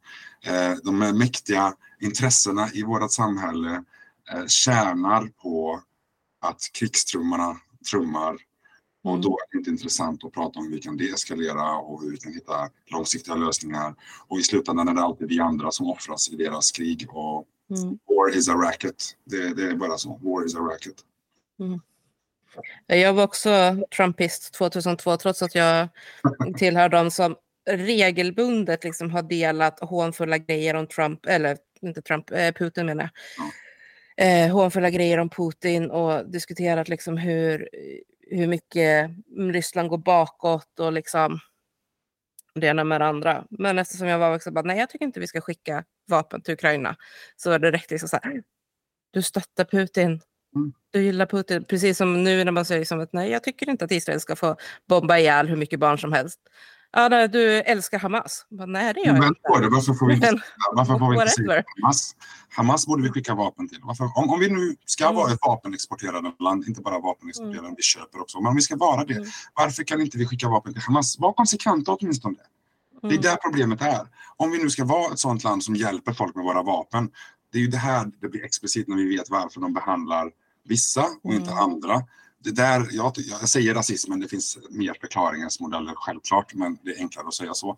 För det Mm. finns en, en orättvisa i hur vi behandlar folk, hur vi värderar folks kamp för frihet. Ehm, ja, jag undrar det, varför skickar vi inte till Hamas? Och då säger man det är en terrororganisation. Okej, men vi stödjer ju Saudi eh, med, med vapen. Vi skickar vapen till i Israel som också begår terrorhandlingar. Och man måste definiera terrorism. Alltså det, det, blir, det blir så konstigt. Vi ser att ena parten gör någonting fel och det är så fel att vi inte ens kan rädda dem när deras barn dör. Så fel är det. De förtjänar inte att leva. De, de vill att deras barn ska dö för det gynnar dem, säger Israels propaganda. De, de Mm. bryr sig inte om deras barn dör. Mammor i Gaza bryr sig inte om deras barn dör. Hör ni hur sjukt det låter att säga att en mamma bryr sig inte om sitt barn dör för att muslimer är någon jävla dödskult där man bara vill Mm. dö. Alltså hör ni rasismen från 9-11, hur den liksom sipprat in i Mm. våra samhällen. Så när man säger till Mm. mig att jag ska fördöma Hamas så tänker jag bara Irak. Jag tänker Afghanistan. Jag tänker hela min uppväxt och politiska uppvaknande skedde efter 9-11. Och där skulle Mm. vi fördöma som muslimsk community, så här skulle vi fördöma diverse grupper. Vi skulle kollektivt stå ansvariga för diverse grupper i världen.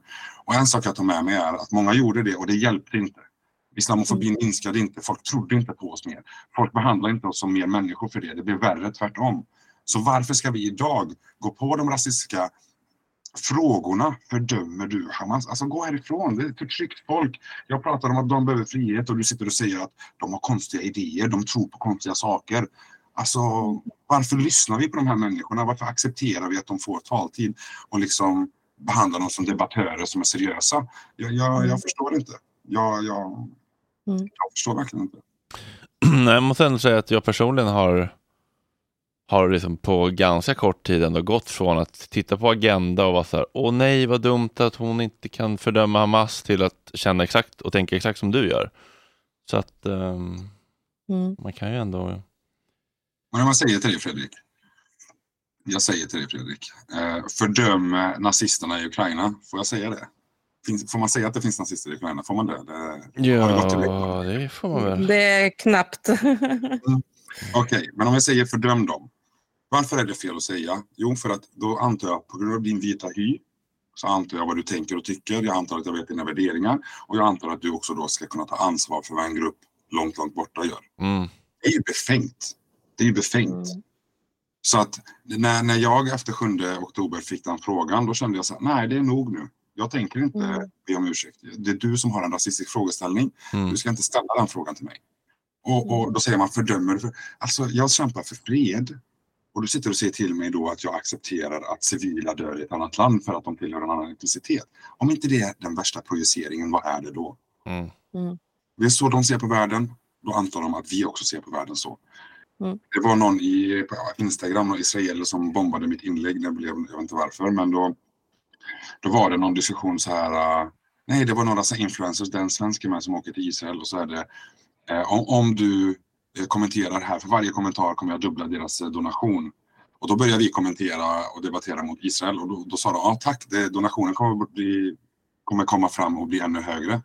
Och det tyckte vi var helt okej okay, för israeliska barn förtjänar leksaker lika mycket som palestinska barn. Men i deras mm. världsbild så är det nej, ni hatar oss, ni vill se oss dö, mm. bla, bla, bla. Och så är de själva de som driver de poängerna. Mm. Samma sak i, med Ukraina-frågan. Ja, vi kanske ska ha fred, diplomati. Nej, ni vill att de ska utrotas. Men varför är den rådande härskande diskursen alltid de här propagandapunkterna som upprepas och sen ska vi bara acceptera det. Då var det eh, Ryssland begår folkrättsvidriga brott. Och eh, folkrättsjuridiskt, jag är inte expert, men de jag har lyssnat på som är experter så är det inte alltid så jäkla självklart att invasionen, alltså anledningen till invasionen var olaglig, men krigsbrotten begåtts vid invasionen och efter. Och det där är en juridisk term som måste redas ut. Men det fick man aldrig ifrågasätta och det är typ så den här propagandan funkar. De hittar en punkt, så kan de diskutera allt inom den, men där går gränsen. Och här då, när det gäller Gaza så har vi Hamas är en terrororganisation, så man kan diskutera nästan allt möjligt. Vi hör till och med pro-israeler kunna vara du vet, så här, tänka lite i alla banor. Men där går gränsen. Och jag, bara, jag vägrar acceptera den. För vägrar man acceptera det så faller andra pusselbitar också på plats. Mm. Och bara som ett sista exempel här. Jag har, jag har, det kommer snart ut en artikel där jag har ja, men gjort lite forskning. Eftersom folk säger att man är antisemit när man ser att media rapporterar väldigt dåligt om Palestina. Mm. Att media i väst har en, en eh, agenda som inte är gynnsam för Palestina exempelvis. Då säger journalister som, äh, jag ska inte nämna några vid namn, men då säger journalister äh, att man har, att det är farligt nära konspirationsteorier. Mm. Det vill säga mm. att man är en antisemit när man säger att media, för då går man på den här tropen om att judar styr all media och sånt. Mm. Varför är de jävla lata de här människorna? Har de aldrig läst någonting? Har de inte följt en debatt online? Självklart finns det antisemitiska troper som vi ska undvika. Självklart. Men vad, vad, vad, vi ser är ju att det är uppenbart att man rapporterar olika om Ryssland, Ukraina versus Israel, Palestina. Det är uppenbart. Så eftersom jag fick den dissen så tog jag mig tiden att gå igenom alla Expressens löpsedlar från 20 februari 2022 till nutid över två år. Eh, det är hundratals löpsedlar. Oj. Och verkligheten är mycket, mycket värre än vad jag trodde. Under 2022 så har vi eh, Putin på framsidan 6 till 7 gånger i veckan. Jag säger 6 till 7 för att vara lite vetenskaplig, men det är i stort sett 7 dagar i veckan. Han, han kommer dö snart, han är ett hot mot Sverige, han har köpt något lyxhus i skogen, här är hans hemliga fru. Det, det är bara sådana hela tiden, varje, varje dag, varje dag. Även om du inte köper mm. Expressens löpsedlar så ser du dem i butik. Mm. Du går förbi, det sätter sig i vårt undermedvetna. Mm. Jag kollar 2023 ungefär 3 till 6 gånger, kanske 4 till 7 gånger i veckan. Fortfarande 2023. Kollar jag då 7 oktober 2023 fram till 31 december 2023, alltså det är ändå den tiden som föranledde folkmordet, så det är det mest centrala. Då mm. hittar jag tre, på både Kvällspressen och Expressen, det är ju samma. Då hittar jag två, men en till på Kvällspressen. Då handlar det om gisslan som tagits och Lars Malmström, eh, när jag glömt hans efternamn, som skriver om varför Hamas dödar. Det är de två. Det står ingenting om folkmordet, ingenting om lögnerna, ingen, alltså det står mm. ingenting. Och, och, när jag såg det då blev jag helt chockad för jag tänkte att amen, jag har någon confirmation bias. Det är klart att jag mm. tycker att det är så. Jag har ju de här värderingarna, jada, jada, jada. För även om jag verkar väldigt självsäker så är jag väldigt självkritisk och jag, jag tycker sanning är viktigt. Jag tycker att jag, jag har gärna fel, då lär jag mig mer. Mm. Men i det här fallet så blir det värre än vad jag trodde. Och då är det alltså rapporteringen så skev att vi, vi, kan inte undvika den propagandan som vi, vi liksom blir matade med. Nu är Expressen också Natos megafon så det är inte så eh, liksom överraskande att de skriver som de gör. Men mm. ja, det, det, är mina slutsatser från det här. Det kommer, jag kommer skriva om detta i, någonstans, Parabol kanske. Ja men eh, bra, det där, det där behövs ju verkligen. Jag var på Parabols här, Palestina Talkback där de tog upp olika mediauttalanden och det är ju faktiskt skrämmande. Mm. Men det har varit en otroligt skev vinkling. Och jag tycker det är ganska intressant att man liksom lite grann... Nu, nu har ju Magda Gad så pass liksom bra renommé så man vågar ju inte gå på henne allt för hårt. Nej. Men när till och med hon liksom sitter och skriver om eh, bland annat på Twitter, typ att, att hon aldrig har varit med om att komma som utrikeskorrespondent och bli så extremt hårt styrd med vem hon får prata med, vad hon får prata om, vad hon får rapportera, som hon var när hon kom till Israel. Eh, och även liksom det här när hon bara försöker säga så att jag har skrivit om olika saker utifrån, alltså i, utifrån att vara i Israel, som hon får ju inte komma in i Gaza. Eh, Eh, som också visar på den här bilden att det finns ett motstånd mot Netanyahu. Det finns israeler som är ute på gatorna och protesterar mot honom. Det finns anhöriga till gisslan som är ute på gatorna och, och eh, protesterar för att man vill få ett eldupphör. Bland annat av ren egoism, alltså för att man fattar liksom att så länge det faller så här mycket bomber över Gaza så är ju deras släktingar inte heller säkra. Eh, och så vidare. Och, och hon sa bara, nej men ingen vill köpa in artiklarna. Trots att hon är en av de mest kända, mest välrenommerade utrikeskorrespondenterna vi har, Mm. så vill man inte ta in hennes artiklar för att hon skriver även sånt som är negativt för Israel. Mm. Ja, det. Frågan är, behåller vi vår suveränitet eh, efter NATO-medlemskap? Jag tror att den är ganska körd. Vår suveränitet. Ehm, bland annat tack vare att eh, de, man fick igenom den här eh, antispionlagen. Jag tror jag den är ganska körd. Ehm, och det visar väl också, eh, de skrev idag om att Sveriges enda kurdiska radiokanal stängs ner. Det dagen efter att eh, Turkiet sa ja till svenskt NATO-medlemskap så la man ner kanalen. Mm. Då spelar det ingen roll om man hycklar om mänskliga rättigheter när man nu valt det här spåret. Det är det som kommer vara, det är all in Mm. på, den, på, den, det spåret nu. Du skulle säga något Fredrik där, förlåt jag avbröt dig. Nej, nej, nu, nu nej. Ja, innan precis. Nej, jag vet inte. Har du nakenkatt? Mm, två. De heter Räkan och... Eh, Bruce. kommer aldrig ihåg. Mm. Bruce. Mm. Varför är det så mycket svårare att komma ihåg än Räkan? Ja, det är konstigt. Det borde inte vara så svårt när... Hela... Ja, nej men jag... Jag tycker att vi, vi ska vara hoppfulla som du säger Fredrik. Eh, ungdomarna och, och rörelserna som vi ser världen över ehm, kommer inte acceptera det som sker. Jag hoppas att det kommer förvandlas till bli något mer långsiktig mobilisering. Eller organisering ska jag säga, inte mobilisering, organisering. Ehm, vi får se. Vi får se. Media kommer inte göra sin sak i alla fall, så det är upp till oss. Jag tycker det är viktigt att stötta varandra. Jag tycker det är viktigt att eh, börja tänka på hur vi ekonomiskt kan börja stötta de föreningar som vi tycker är bra. För att ingen kommer, eh, kommer kunna få bidrag och så framöver. Så att vi behöver kunna vara egna rörelser som står på egna ben så vi kan utmana makten eh, på alla plan. Ehm, ja. Vad tror ni om det att de försöker terrorstämpla aktivister? Kommer det hända?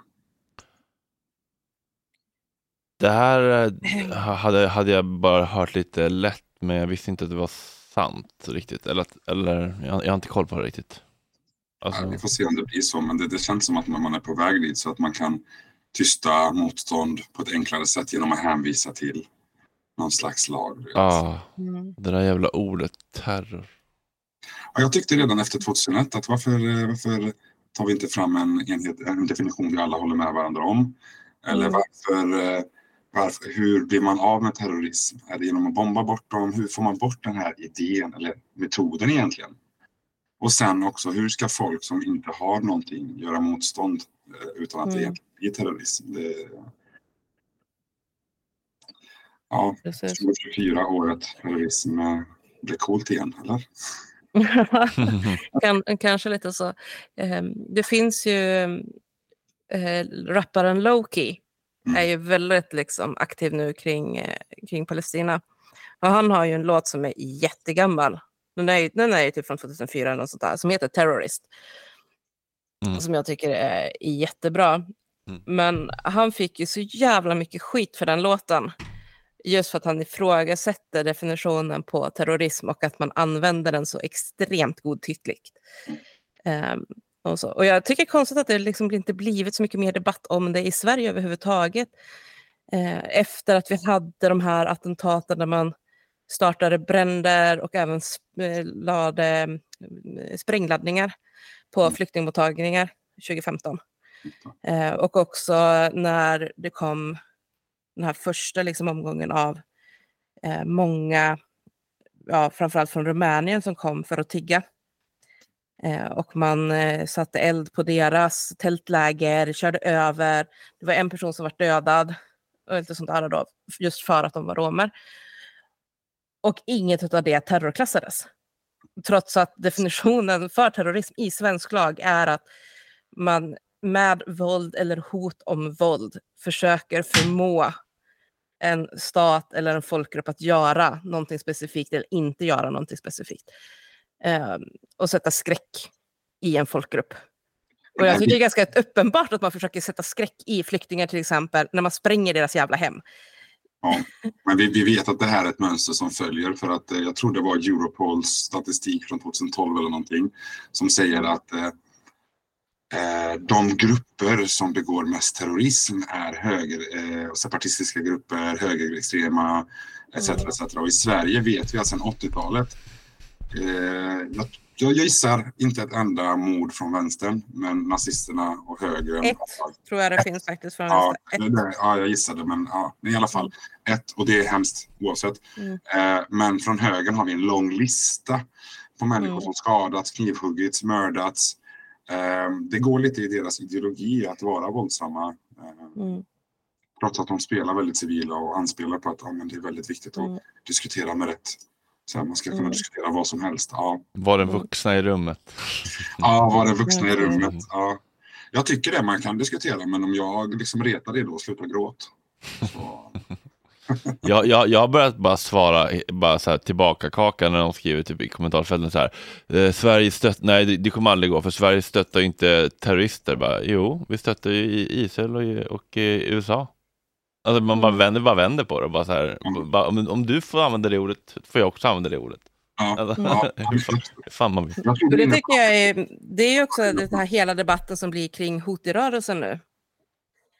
Eh, och, och Libanon, eller heter det, och Jemen. Mm. Ehm, att, att Houthi-rörelsen är terrorister och man kan inte skriva positivt om terroristerna och liksom sådana här grejer. Och jag är som bara, jag har inga problem med att se liksom att jag inte håller med Houthi-rörelsen politiskt på något sätt. Men jag har också inga som helst problem att stå för att jag tycker att de gör helt rätt i att stoppa handelsfartygen till Israel.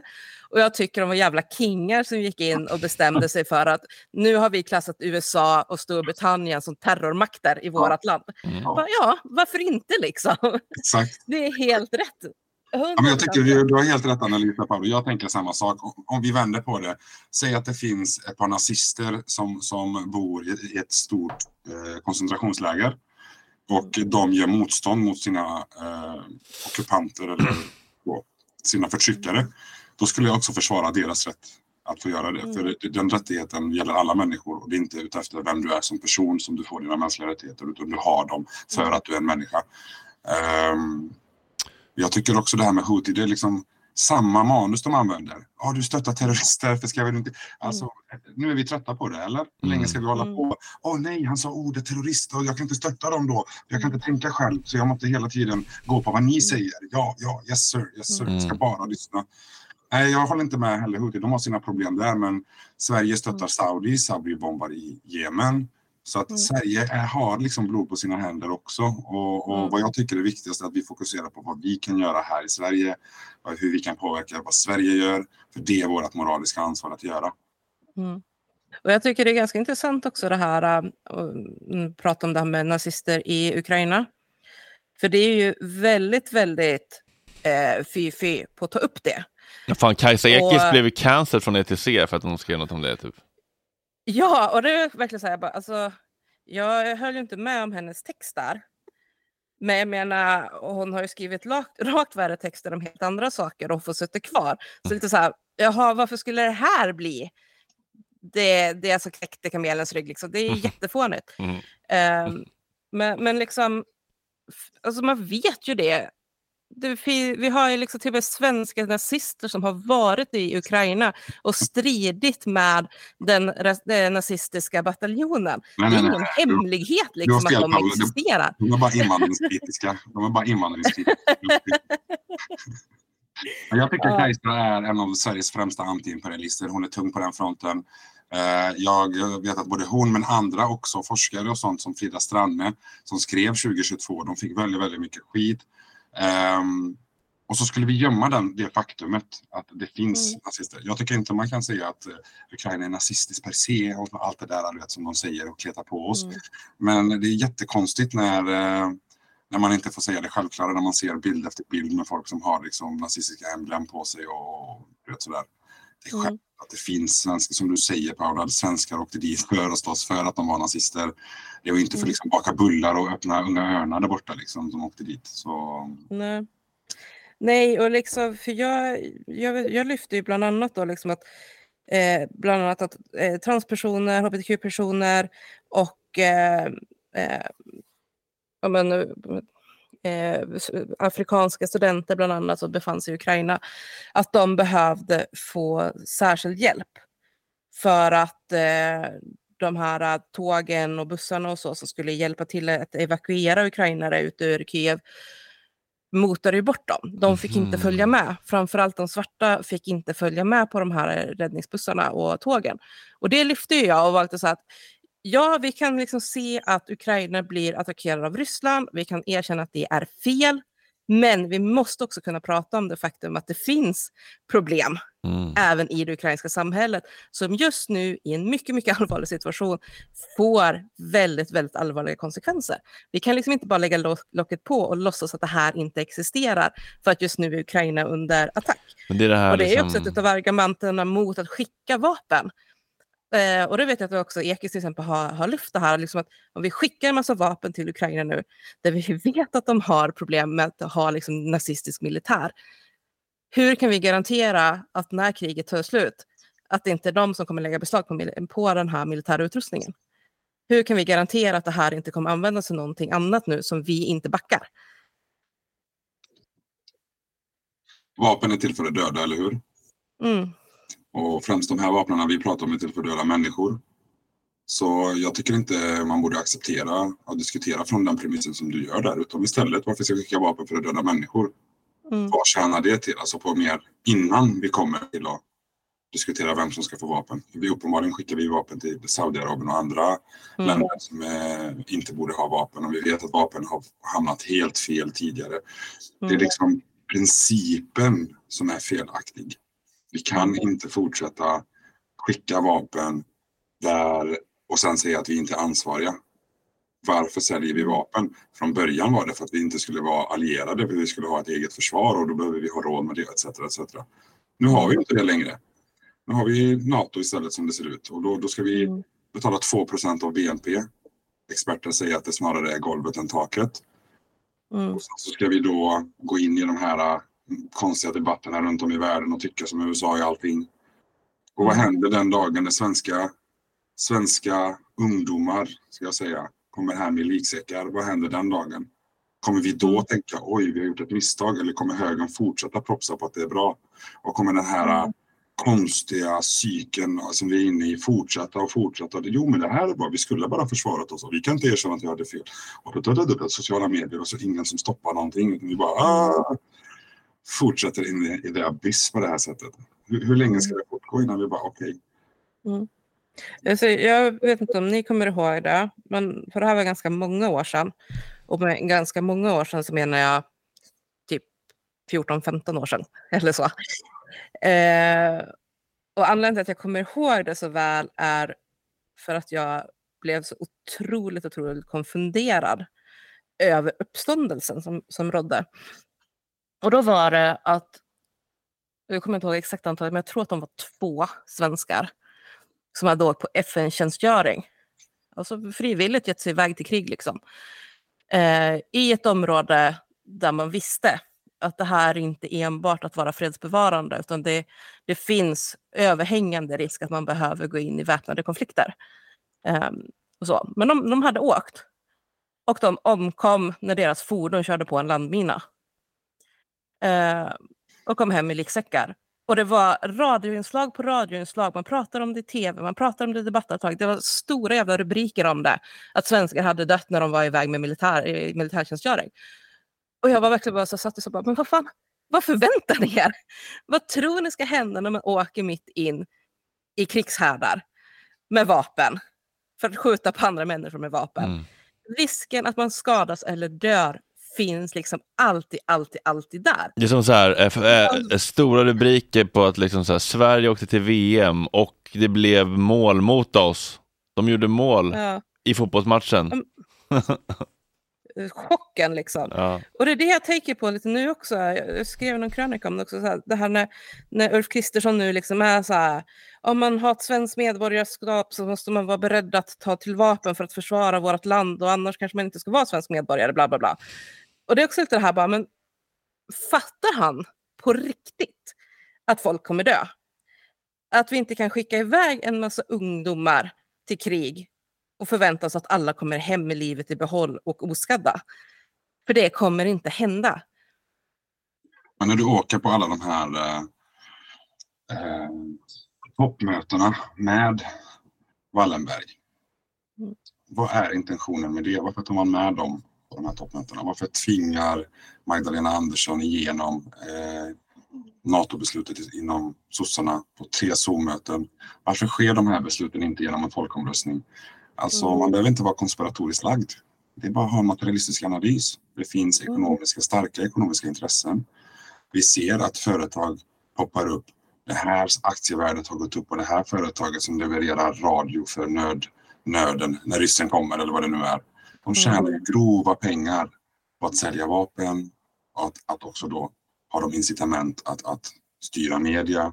Och då menar jag inte styra, så de sitter i något cigarrfullt rum och säger nu ska vi göra så. Det finns alltså strukturer som jag och du Fredrik kan nyttja utan ens känna varandra bara för att vi gynnas av det. Det är liksom ekonomiska strukturer. Och det är också vad Chomsky i Manufacturing Consent, Herman och Chomsky säger att när du har ett system där de här ekonomiska incitamenten finns så kommer media bli biased. Och om den är biased så kommer det vara, eh, vara inbyggt i den att den är det. det du kan, vi kan inte förvänta oss att den inte ska vara det då. För, det, för att det finns intressen som, eh, som den sätter sig emot och då sätter den sig emot sin egen handen som matar den. Eh, och det, det, jag, jag kanske låter lite så här uppgiven och bitter, det är jag inte, utan jag bara jag tycker att det, det, det, är så tydligt idag. Det är inte ens så här att man behöver gå särskilt djupt. Det är ganska tydligt och, och det som förstör Sverige, ända sedan New Public Management och allt vad det är, så sälja ut skolan, privatisera apoteket, alltså allt det vi håller på med det här projektet Mm. som är att förstöra vårt land. Det, det ger ju ringar på vattnet och NATO är ett sånt, tänker jag. Ja, ja men eh, alltså den, den bistra sanningen, eller bistra och bistra, jag tycker det är ganska positivt på ett sätt. Det är ju liksom att i, i slutändan, vad vi än tittar på för samhällsproblem, vad vi liksom än försöker diskutera, så kommer vi alltid, alltid, alltid komma tillbaka till att det handlar om pengar. Och det, det pengasystem vi har idag. Och ett av de absolut mest lyckade propagandakrigen, eller vad man ska kalla det för, som, som kapitalisterna har lyckats med, det är ju det här med att intala eh, flera miljarder människor om att det finns inget annat ekonomiskt system. Vi kan inte ha något annat ekonomiskt system än kapitalism. Mm. Och det är ju det är bara liksom nys. För vi har haft ekonomiska system i princip så länge det har funnits människor. Och människor har funnits i tusentals år mer än vad kapitalismen har funnits. Och ändå går folk omkring och bara, ja men det finns ju inget alternativ. Och vi har haft marknadsekonomier har vi haft innan kapitalismen. Ja, Mm. exakt. Alltså det, och det är det också som folk blir så förvirrade över när jag säger så. Bara, "Så jag är emot kapitalismen. Bara, men hur kan du vara emot att vi ska ha ett ekonomiskt system? Bla, bla, bla. Jag bara, nej, jag är inte emot att vi ska ha ett ekonomiskt system. Jag är emot att vi ska ha det här ekonomiska systemet. Och så blir det så här, bara, ja, men företagen, bla, bla, bla. jo men man kan ha företagande utan att ha kapitalism. Och det är en sån omvälvande tanke, så bara där så får man liksom pausa lite grann och låta folk börja reflektera. För att vi är så inlärda i Att företagande är detsamma som kapitalism, kapitalism är detsamma som att kunna få vinster. Kan man inte få vinster så kommer kapitalismen haverera och då kommer också företagen haverera och alla kommer bli arbetslösa och eh, leva i misär. Men det är ju verkligen inte så det egentligen ser ut. Men det, att ta steget efter det, det, det kräver för folk att få andas lite grann. För att det är, blir ju också att omvärdera i princip allt man har blivit lärt och allting man har trott på. Ja, det är en, en omprogrammering som vi har pratat med många om i den här podden. Ju. Mm. Fan, det, där, det här ämnet skulle jag vilja ta upp i, i Gott Snack. Vem är en bra gäst? Du har ju Ekis. Ja, för jag har Ekis varannan torsdag. Använd den. Men Ett tips där Paula är eh, när jag pratar med sådana människor så brukar jag frå- fråga dem, okej men hepatilismen föddes med Adam Smith, eller hur? Okej, Mm. 300 år gammal idé. Den idén kom till. Kan vi på något sätt nu och framöver komma på en ny idé som skulle vara värd att implementera globalt? Mm. Eh, Finns det? Kan det hända eller går det inte det? Mm. Och där kan man ju också då särskilja de som är kultmedlemmar mot de som faktiskt kan resonera lite tycker jag. Mm. Och jag Eh, har inte svaret, jag måste erkänna det. Jag, jag är vänstermänniska Mm. på många sätt och vis. Inte för att jag valde ideologi utan för att jag tycker att fattiga borde få leva och men vi ska inte döda människor. Men Mm. eh, det måste ju få finnas nya idéer och eh, vad de nu än är. Vi- Om vi inte ska liksom grotta ner oss i så här gamla eh, ideologiska fall, så, här, så kanske vi måste tänka på vad är nya idéer? Vad, vad kan vi göra? Någonting måste vi kunna göra för att man kan inte se på den ojämlikhet som finns i världen och låtsas som att systemet inte bidrar till det. Och det säger jag till kapitalistiska vänner. Jag bara okej, ha kvar ditt system men snälla lös de här problemen först. Snälla kan du se, eh, se till att barn inte behöver tillverka våra jävla telefoner. Kan vi se till att liksom, eh, orättvisa globalt inte finns? Kan vi se till att fem personer inte äger mer än 3,5 miljarder av de fattigaste i världen? Alltså kan vi göra det? Varsågod, då kan jag gå med dig. Men det, det vet vi att det inte kommer gå. Men det här att de låtsas att nej, fattigdomen i världen har försvunnit tack vare kapitalismen. De fattigaste har blivit lite rikare och få mat. Och de här klyschorna vi får höra. Mm. Det är om du tror på det här systemet så hårt. För jag har inga alternativ. Jag kan säga, ja men Marx har bra idéer för att kritisera kapitalismen. Absolut. Men medborgarlön, jag vet inte. Men det finns liksom några få alternativ vi har. Men bara när man pratar med dem, fråga dem själv. Vad hade kunnat för, fixa de här problemen enligt dig? Och då, en sak som man brukar hålla med kapitalister är att i kapitalism så är ju monopol någonting dåligt. Riktiga Mm. kapitalister och liberaler, och riktiga då, inte de här äh, korvätar-liberalerna, de, de vet ju att monopol inte är något bra. Eh, och det kan vi hålla med varandra om. Så där skulle Mm. vi kunna säga liksom kroka arm över att vi blir utnyttjade av systemet, bankerna, monopolen, de påverkar våra Mm. demokratier så de urholkar våra demokratier. Det är ju någonting vi empiriskt kan se. Och kan vi inte hålla med varandra om det så, så, så är vi ju inte ute efter ett gängse knippe, knippe värderingar som vi delar i ett samhälle och därmed kan ha någon Mm. sanning vi delar. Utan då är vi på två olika plan, två olika verkligheter. Mm. Ja. En grej jag brukar hänvisa till som, som också brukar sätta igång tankeprocessen, det är ju det här med, jag brukar prata om industriella revolutionen. För det lyfter man ju gärna från, för det var ju då kapitalismen verkligen kickade igång ordentligt för att man kunde börja producera saker på löpande band. Um, jag brukar tycka på så att var inte själva vitsen med industriella revolutionen, att vi började få maskiner och så, att maskinerna skulle kunna göra mer och mer och människor kunna få göra mindre och mindre. Så hur kommer det sig att vi jobbar mer än dubbelt så mycket idag än vad man gjorde under feodalsamhället? Inte för att jag vill tillbaka till feodalsamhället, så, men faktum är att en standard bonde, bonddräng, alltså nu pratar vi liksom ändå om de som hade det sämst i det samhället, jobbade fortfarande hälften så mycket som en vanlig arbetare gör idag. Ja, jag gillar Roland Paulsen. Jag tycker alla ska läsa Roland Paulsen. Hur kommer det sig att vi jobbar då mer och så har vi folk som försvarar det systemet. Det förbluffar mig. Jag kan fatta liksom att systemet gör, tar oss hit, konsekvensen av det. Men att vi har då människor som försvarar. Nej, jag ska jobba till döden. Jag ska inte ha ett liv utanför mitt jobb. Det är lite Mm. den i, i They Live, du vet, när man försöker visa dem sanningen och de vill inte ta emot den, så de slåss istället mot den. Berätta Mm. inte sanningen, jag vill ha min bubbla. Mm. Det, ja, jag tycker det är fascinerande. Mm. Ja, men jag, jag, Bara en sak, så här- förlåt, eh, jag glömde lägga till bara en sista. Tittar vi in i framtiden när vi tänker att AI och andra robotar ska ta över och hjälpa oss. Då tänker jag åtminstone, ja men vad bra! Då kommer vi kunna ha leisure time som även liberaler tyckte förr. Vi kommer kunna ha mer tid till att leva. Men är det någon idag som tror att när robot, robotarna kan ta över industrierna och göra allt, allt det där som lågavlönade jobben. Är det någon som tror att vi kommer få det bättre som människor? Eller ser det ut som att istället kommer robotarna göra det? Du går till McDonalds idag. Eh, Det gör vi inte för vi bojkottar McDonalds idag. Men när du gick dit innan eh, folkmordet så kunde du se att de har en automatisk kassa. Eh, Du ska betala där, beställa där. Du ska också ta bort din egen bricka. Men det tar ju arbetstillfällen från människor redan idag.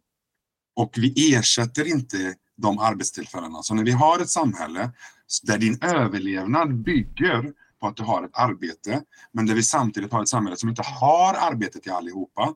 Hur kan vi då förvänta att du ska överleva, men vi kan inte erbjuda det som behövs för att du ska överleva?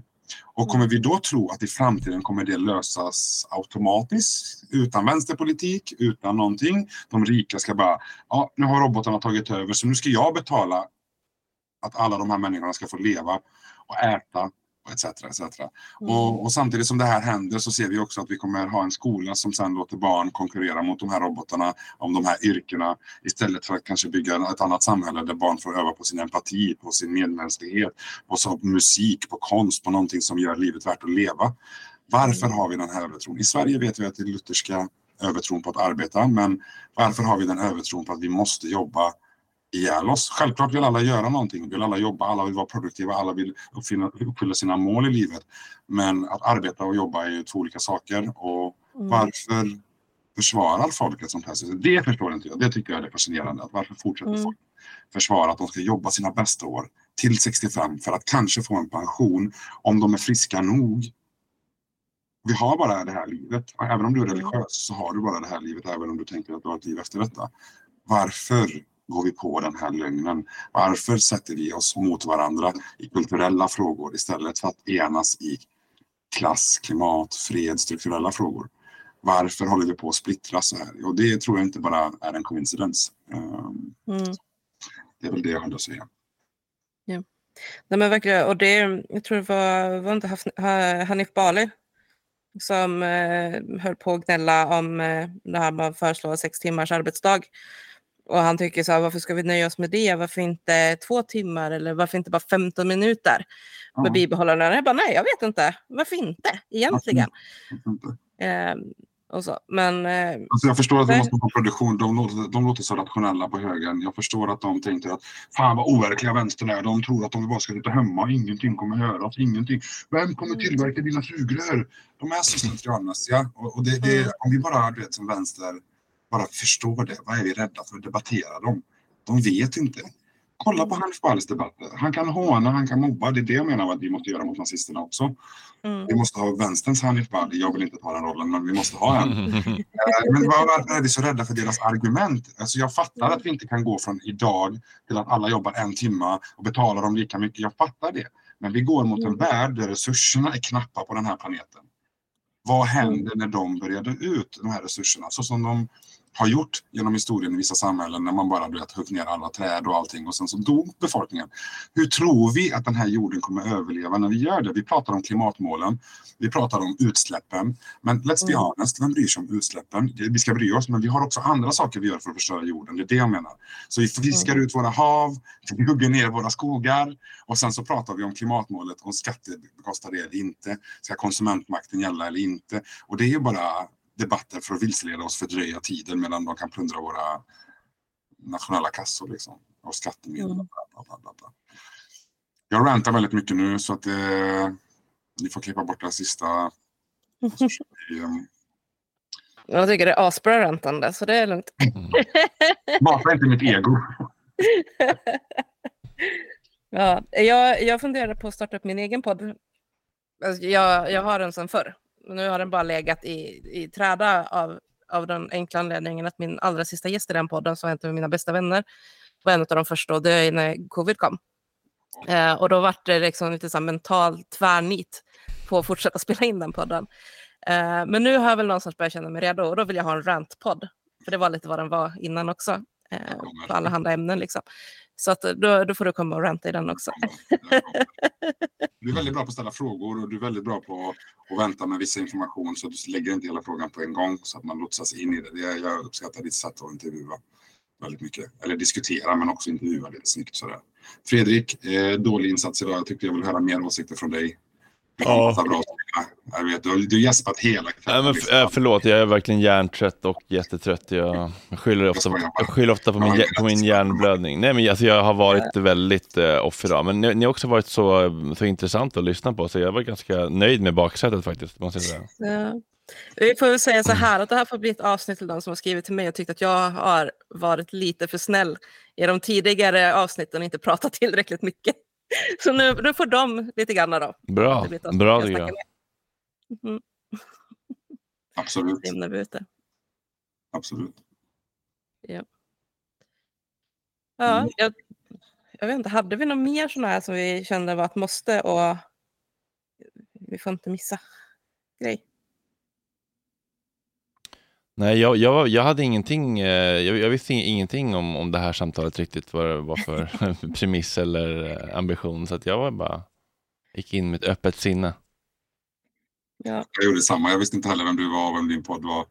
Eh, men jag kände så här, det är värt att bli ambushed. Så, jag läste någonting om det, att det var någon som hade sagt någonting sånt Ja. nyligen. Mm. Ja, jag vet inte. Men jag uppskattar att ni bjöd in mig. Jag har haft ett jättebra samtal med er. Eh, man kan givetvis djupdyka på alla de här frågorna ännu mer och, och det finns massa bra människor runt om i landet för det. Eh, Mm. jag uppskattar tiden. Det är bra. Vi Nu när som, jag har eh, tagit över och fixa med inbjudningarna så kan du skicka mig en lista så ska jag börja. Absolut, jag har några listor. Men jag tänker också att jag vill nämna att eh, folk ska följa Enhetsfront för Palestina på Instagram. Gärna gå in på Tillsammanskapet på Facebook där jag är ordförande. Också stötta FAR, Flyktinggruppernas riksråd, där jag sitter i styrelsen. Det, det finns mycket som eh, vi behöver gå in hands-on nu. Eh, även med poddar och sånt, så som Patreon har funkat. Fast för politiska projekt och sådär. Eh, Om ni inte vill det, om ni tycker jag är dum i huvudet, så, så tyck det. Men gå med i någon förening, någonting. Gör någonting i ditt lokalsamhälle. Eh, För du behövs. Och, och om inte mina idéer eller andras idéer är bra, så kör på dina egna idéer. Gör någonting. Mm. Gör någonting, ja det, det Ungdomsbarometern eh, sa ju idag att eh, dagens ungdomar bryr sig mer om sig själva och skiter mer och mer i omvärlden. Det kändes ju lite tråkigt tycker jag. Ja, vi ska inte skylla på ungdomarna nu. Hallå. Hallå, vi har skapat en värld. Vi tillsammans med de boomersen har skapat en värld som inte finns några framtidsutsikter. Varför skulle de bry sig? Sen ska jag säga att många ungdomar idag är engagerade.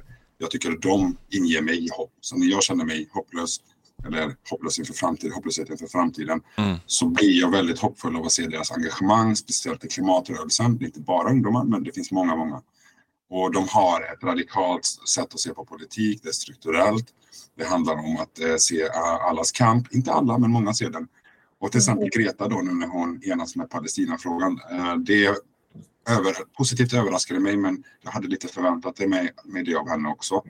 Och det befäster henne som en snart legend eh, för Sverige. Jag hoppas hon blir någon slags landsmoder, Greta, som kan liksom guida oss i mörkret Mm. mot de här äh, männen som hånar henne och skrattar åt henne. Ja, och där kan jag känna, och det har jag skrivit att när Greta vart, precis varit stor, eh, att jag tycker att media gör henne en sån jävla otjänst. Eh, för att hon verkligen försöker, och när hon har varit på grejer till exempel med eh, det här med att lyfta klimat och rättsaktivister från eh, urfolk och liknande, och så, så väljer media liksom aktivt klippa bort det hela tiden. Och så fokuserar man bara på henne. Och, man- och jag blir så himla frustrerad. Man bara, så, men vad fan, snälla jävla rassemedia. Ni måste inte centrera den här vita tjejen precis hela tiden när hon så aktivt vill att ni ska lyssna på, alltså belysa någonting annat. Eh, om ni nu vill göra Greta justice så att säga, men lyssna på henne då. Det är väl det minsta man kan begära i så fall, att faktiskt lyssna på henne. Men det gör man inte. Man bara liksom så här, väver den historia man vill väva och berätta. Och Också inte den som verkligen är där. det säljer nog med, med klicks också när Greta är med. Det är väl Mm. också den logiken bakom. Mm. Jag tror det. Men jag håller med dig. Jag håller med dig. Det, hon gör i alla fall ett riktigt bra jobb och jag är imponerad och jag tänker ungdomarna som följer hennes på, eh, liksom, exempel också ska vara stolta. Mm. Men jag tycker det viktigaste är att blicka inåt och tänka vad gör jag? Vad gör jag runt omkring mig? Alla kan inte göra allt, men alla kan göra någonting. Och um, har ni, un- undrar folk vad de kan göra, hör av er till mig. Ehm, det finns massor att göra. Mm. Så är det. Verkligen. Ja men Ja. gött hörni. Då är det väl dags Det har varit att ett långt samtal. nanna kudde va? Ja, det är det. Mm. Åtminstone för mig. Jag vet inte hur det är för dig Kamal. Eh, nej, jag har lite jobb att göra faktiskt. Eh, det är långa dagar. Mm. Men eh, ja, som sagt, jag uppskattar detta. Tack så mycket. Och eh, jag hoppas vi kan göra om det. Kanske eh, i din podd då, Paula. Jajamän. Ska jag ranta, då kommer jag rant mode. Det här var Ja, det är bra. Jag är redo, jag är redo. Jag ska komma Ale- Alex Jones mode. Ja, det är Okej, godnatt då. Godnatt. Godnatt. Tack så mycket. Peace. Ha det bra. Peace. bra. Need new glasses or want a fresh new style? Warby Parker has you covered. Glasses start at just 95 bucks, including anti-reflective, scratch-resistant prescription lenses that block 100% of UV rays. Every frame's designed in-house with a huge selection of styles for every face shape. And with Warby Parker's free home try-on program, you can order five pairs to try at home for free. Shipping is free both ways too. Go to warbyparker.com slash covered to try five pairs of frames at home for free. warbyparker.com slash covered. Planning for your next trip? Elevate your travel style with Quince. Quince has all the jet setting essentials you'll want for your next getaway, like European linen, premium luggage options, buttery soft Italian leather bags, and so much more. And is all priced at 50 to 80% less than similar brands. Plus, Quince only works with factories that use safe and ethical manufacturing practices. Pack your bags with high-quality essentials you'll be wearing for vacations to come with Quince. Go to quince.com slash pack for free shipping and 365-day returns. This message comes from BOF sponsor eBay. You'll know real when you get it. It'll say eBay Authenticity Guarantee. And you'll feel it. Maybe it's a head turning handbag, a watch that says it all, jewelry that makes you look like the gem, or sneakers and streetwear so fresh every step feels fly. eBay gets it. So look for the blue check mark next to that thing you love and be confident that every inch, stitch, sole, and logo is checked by experts. With eBay Authenticity Guarantee, you can trust that feeling of real is always in reach. Ensure your next purchase is the real deal. Visit eBay.com for terms.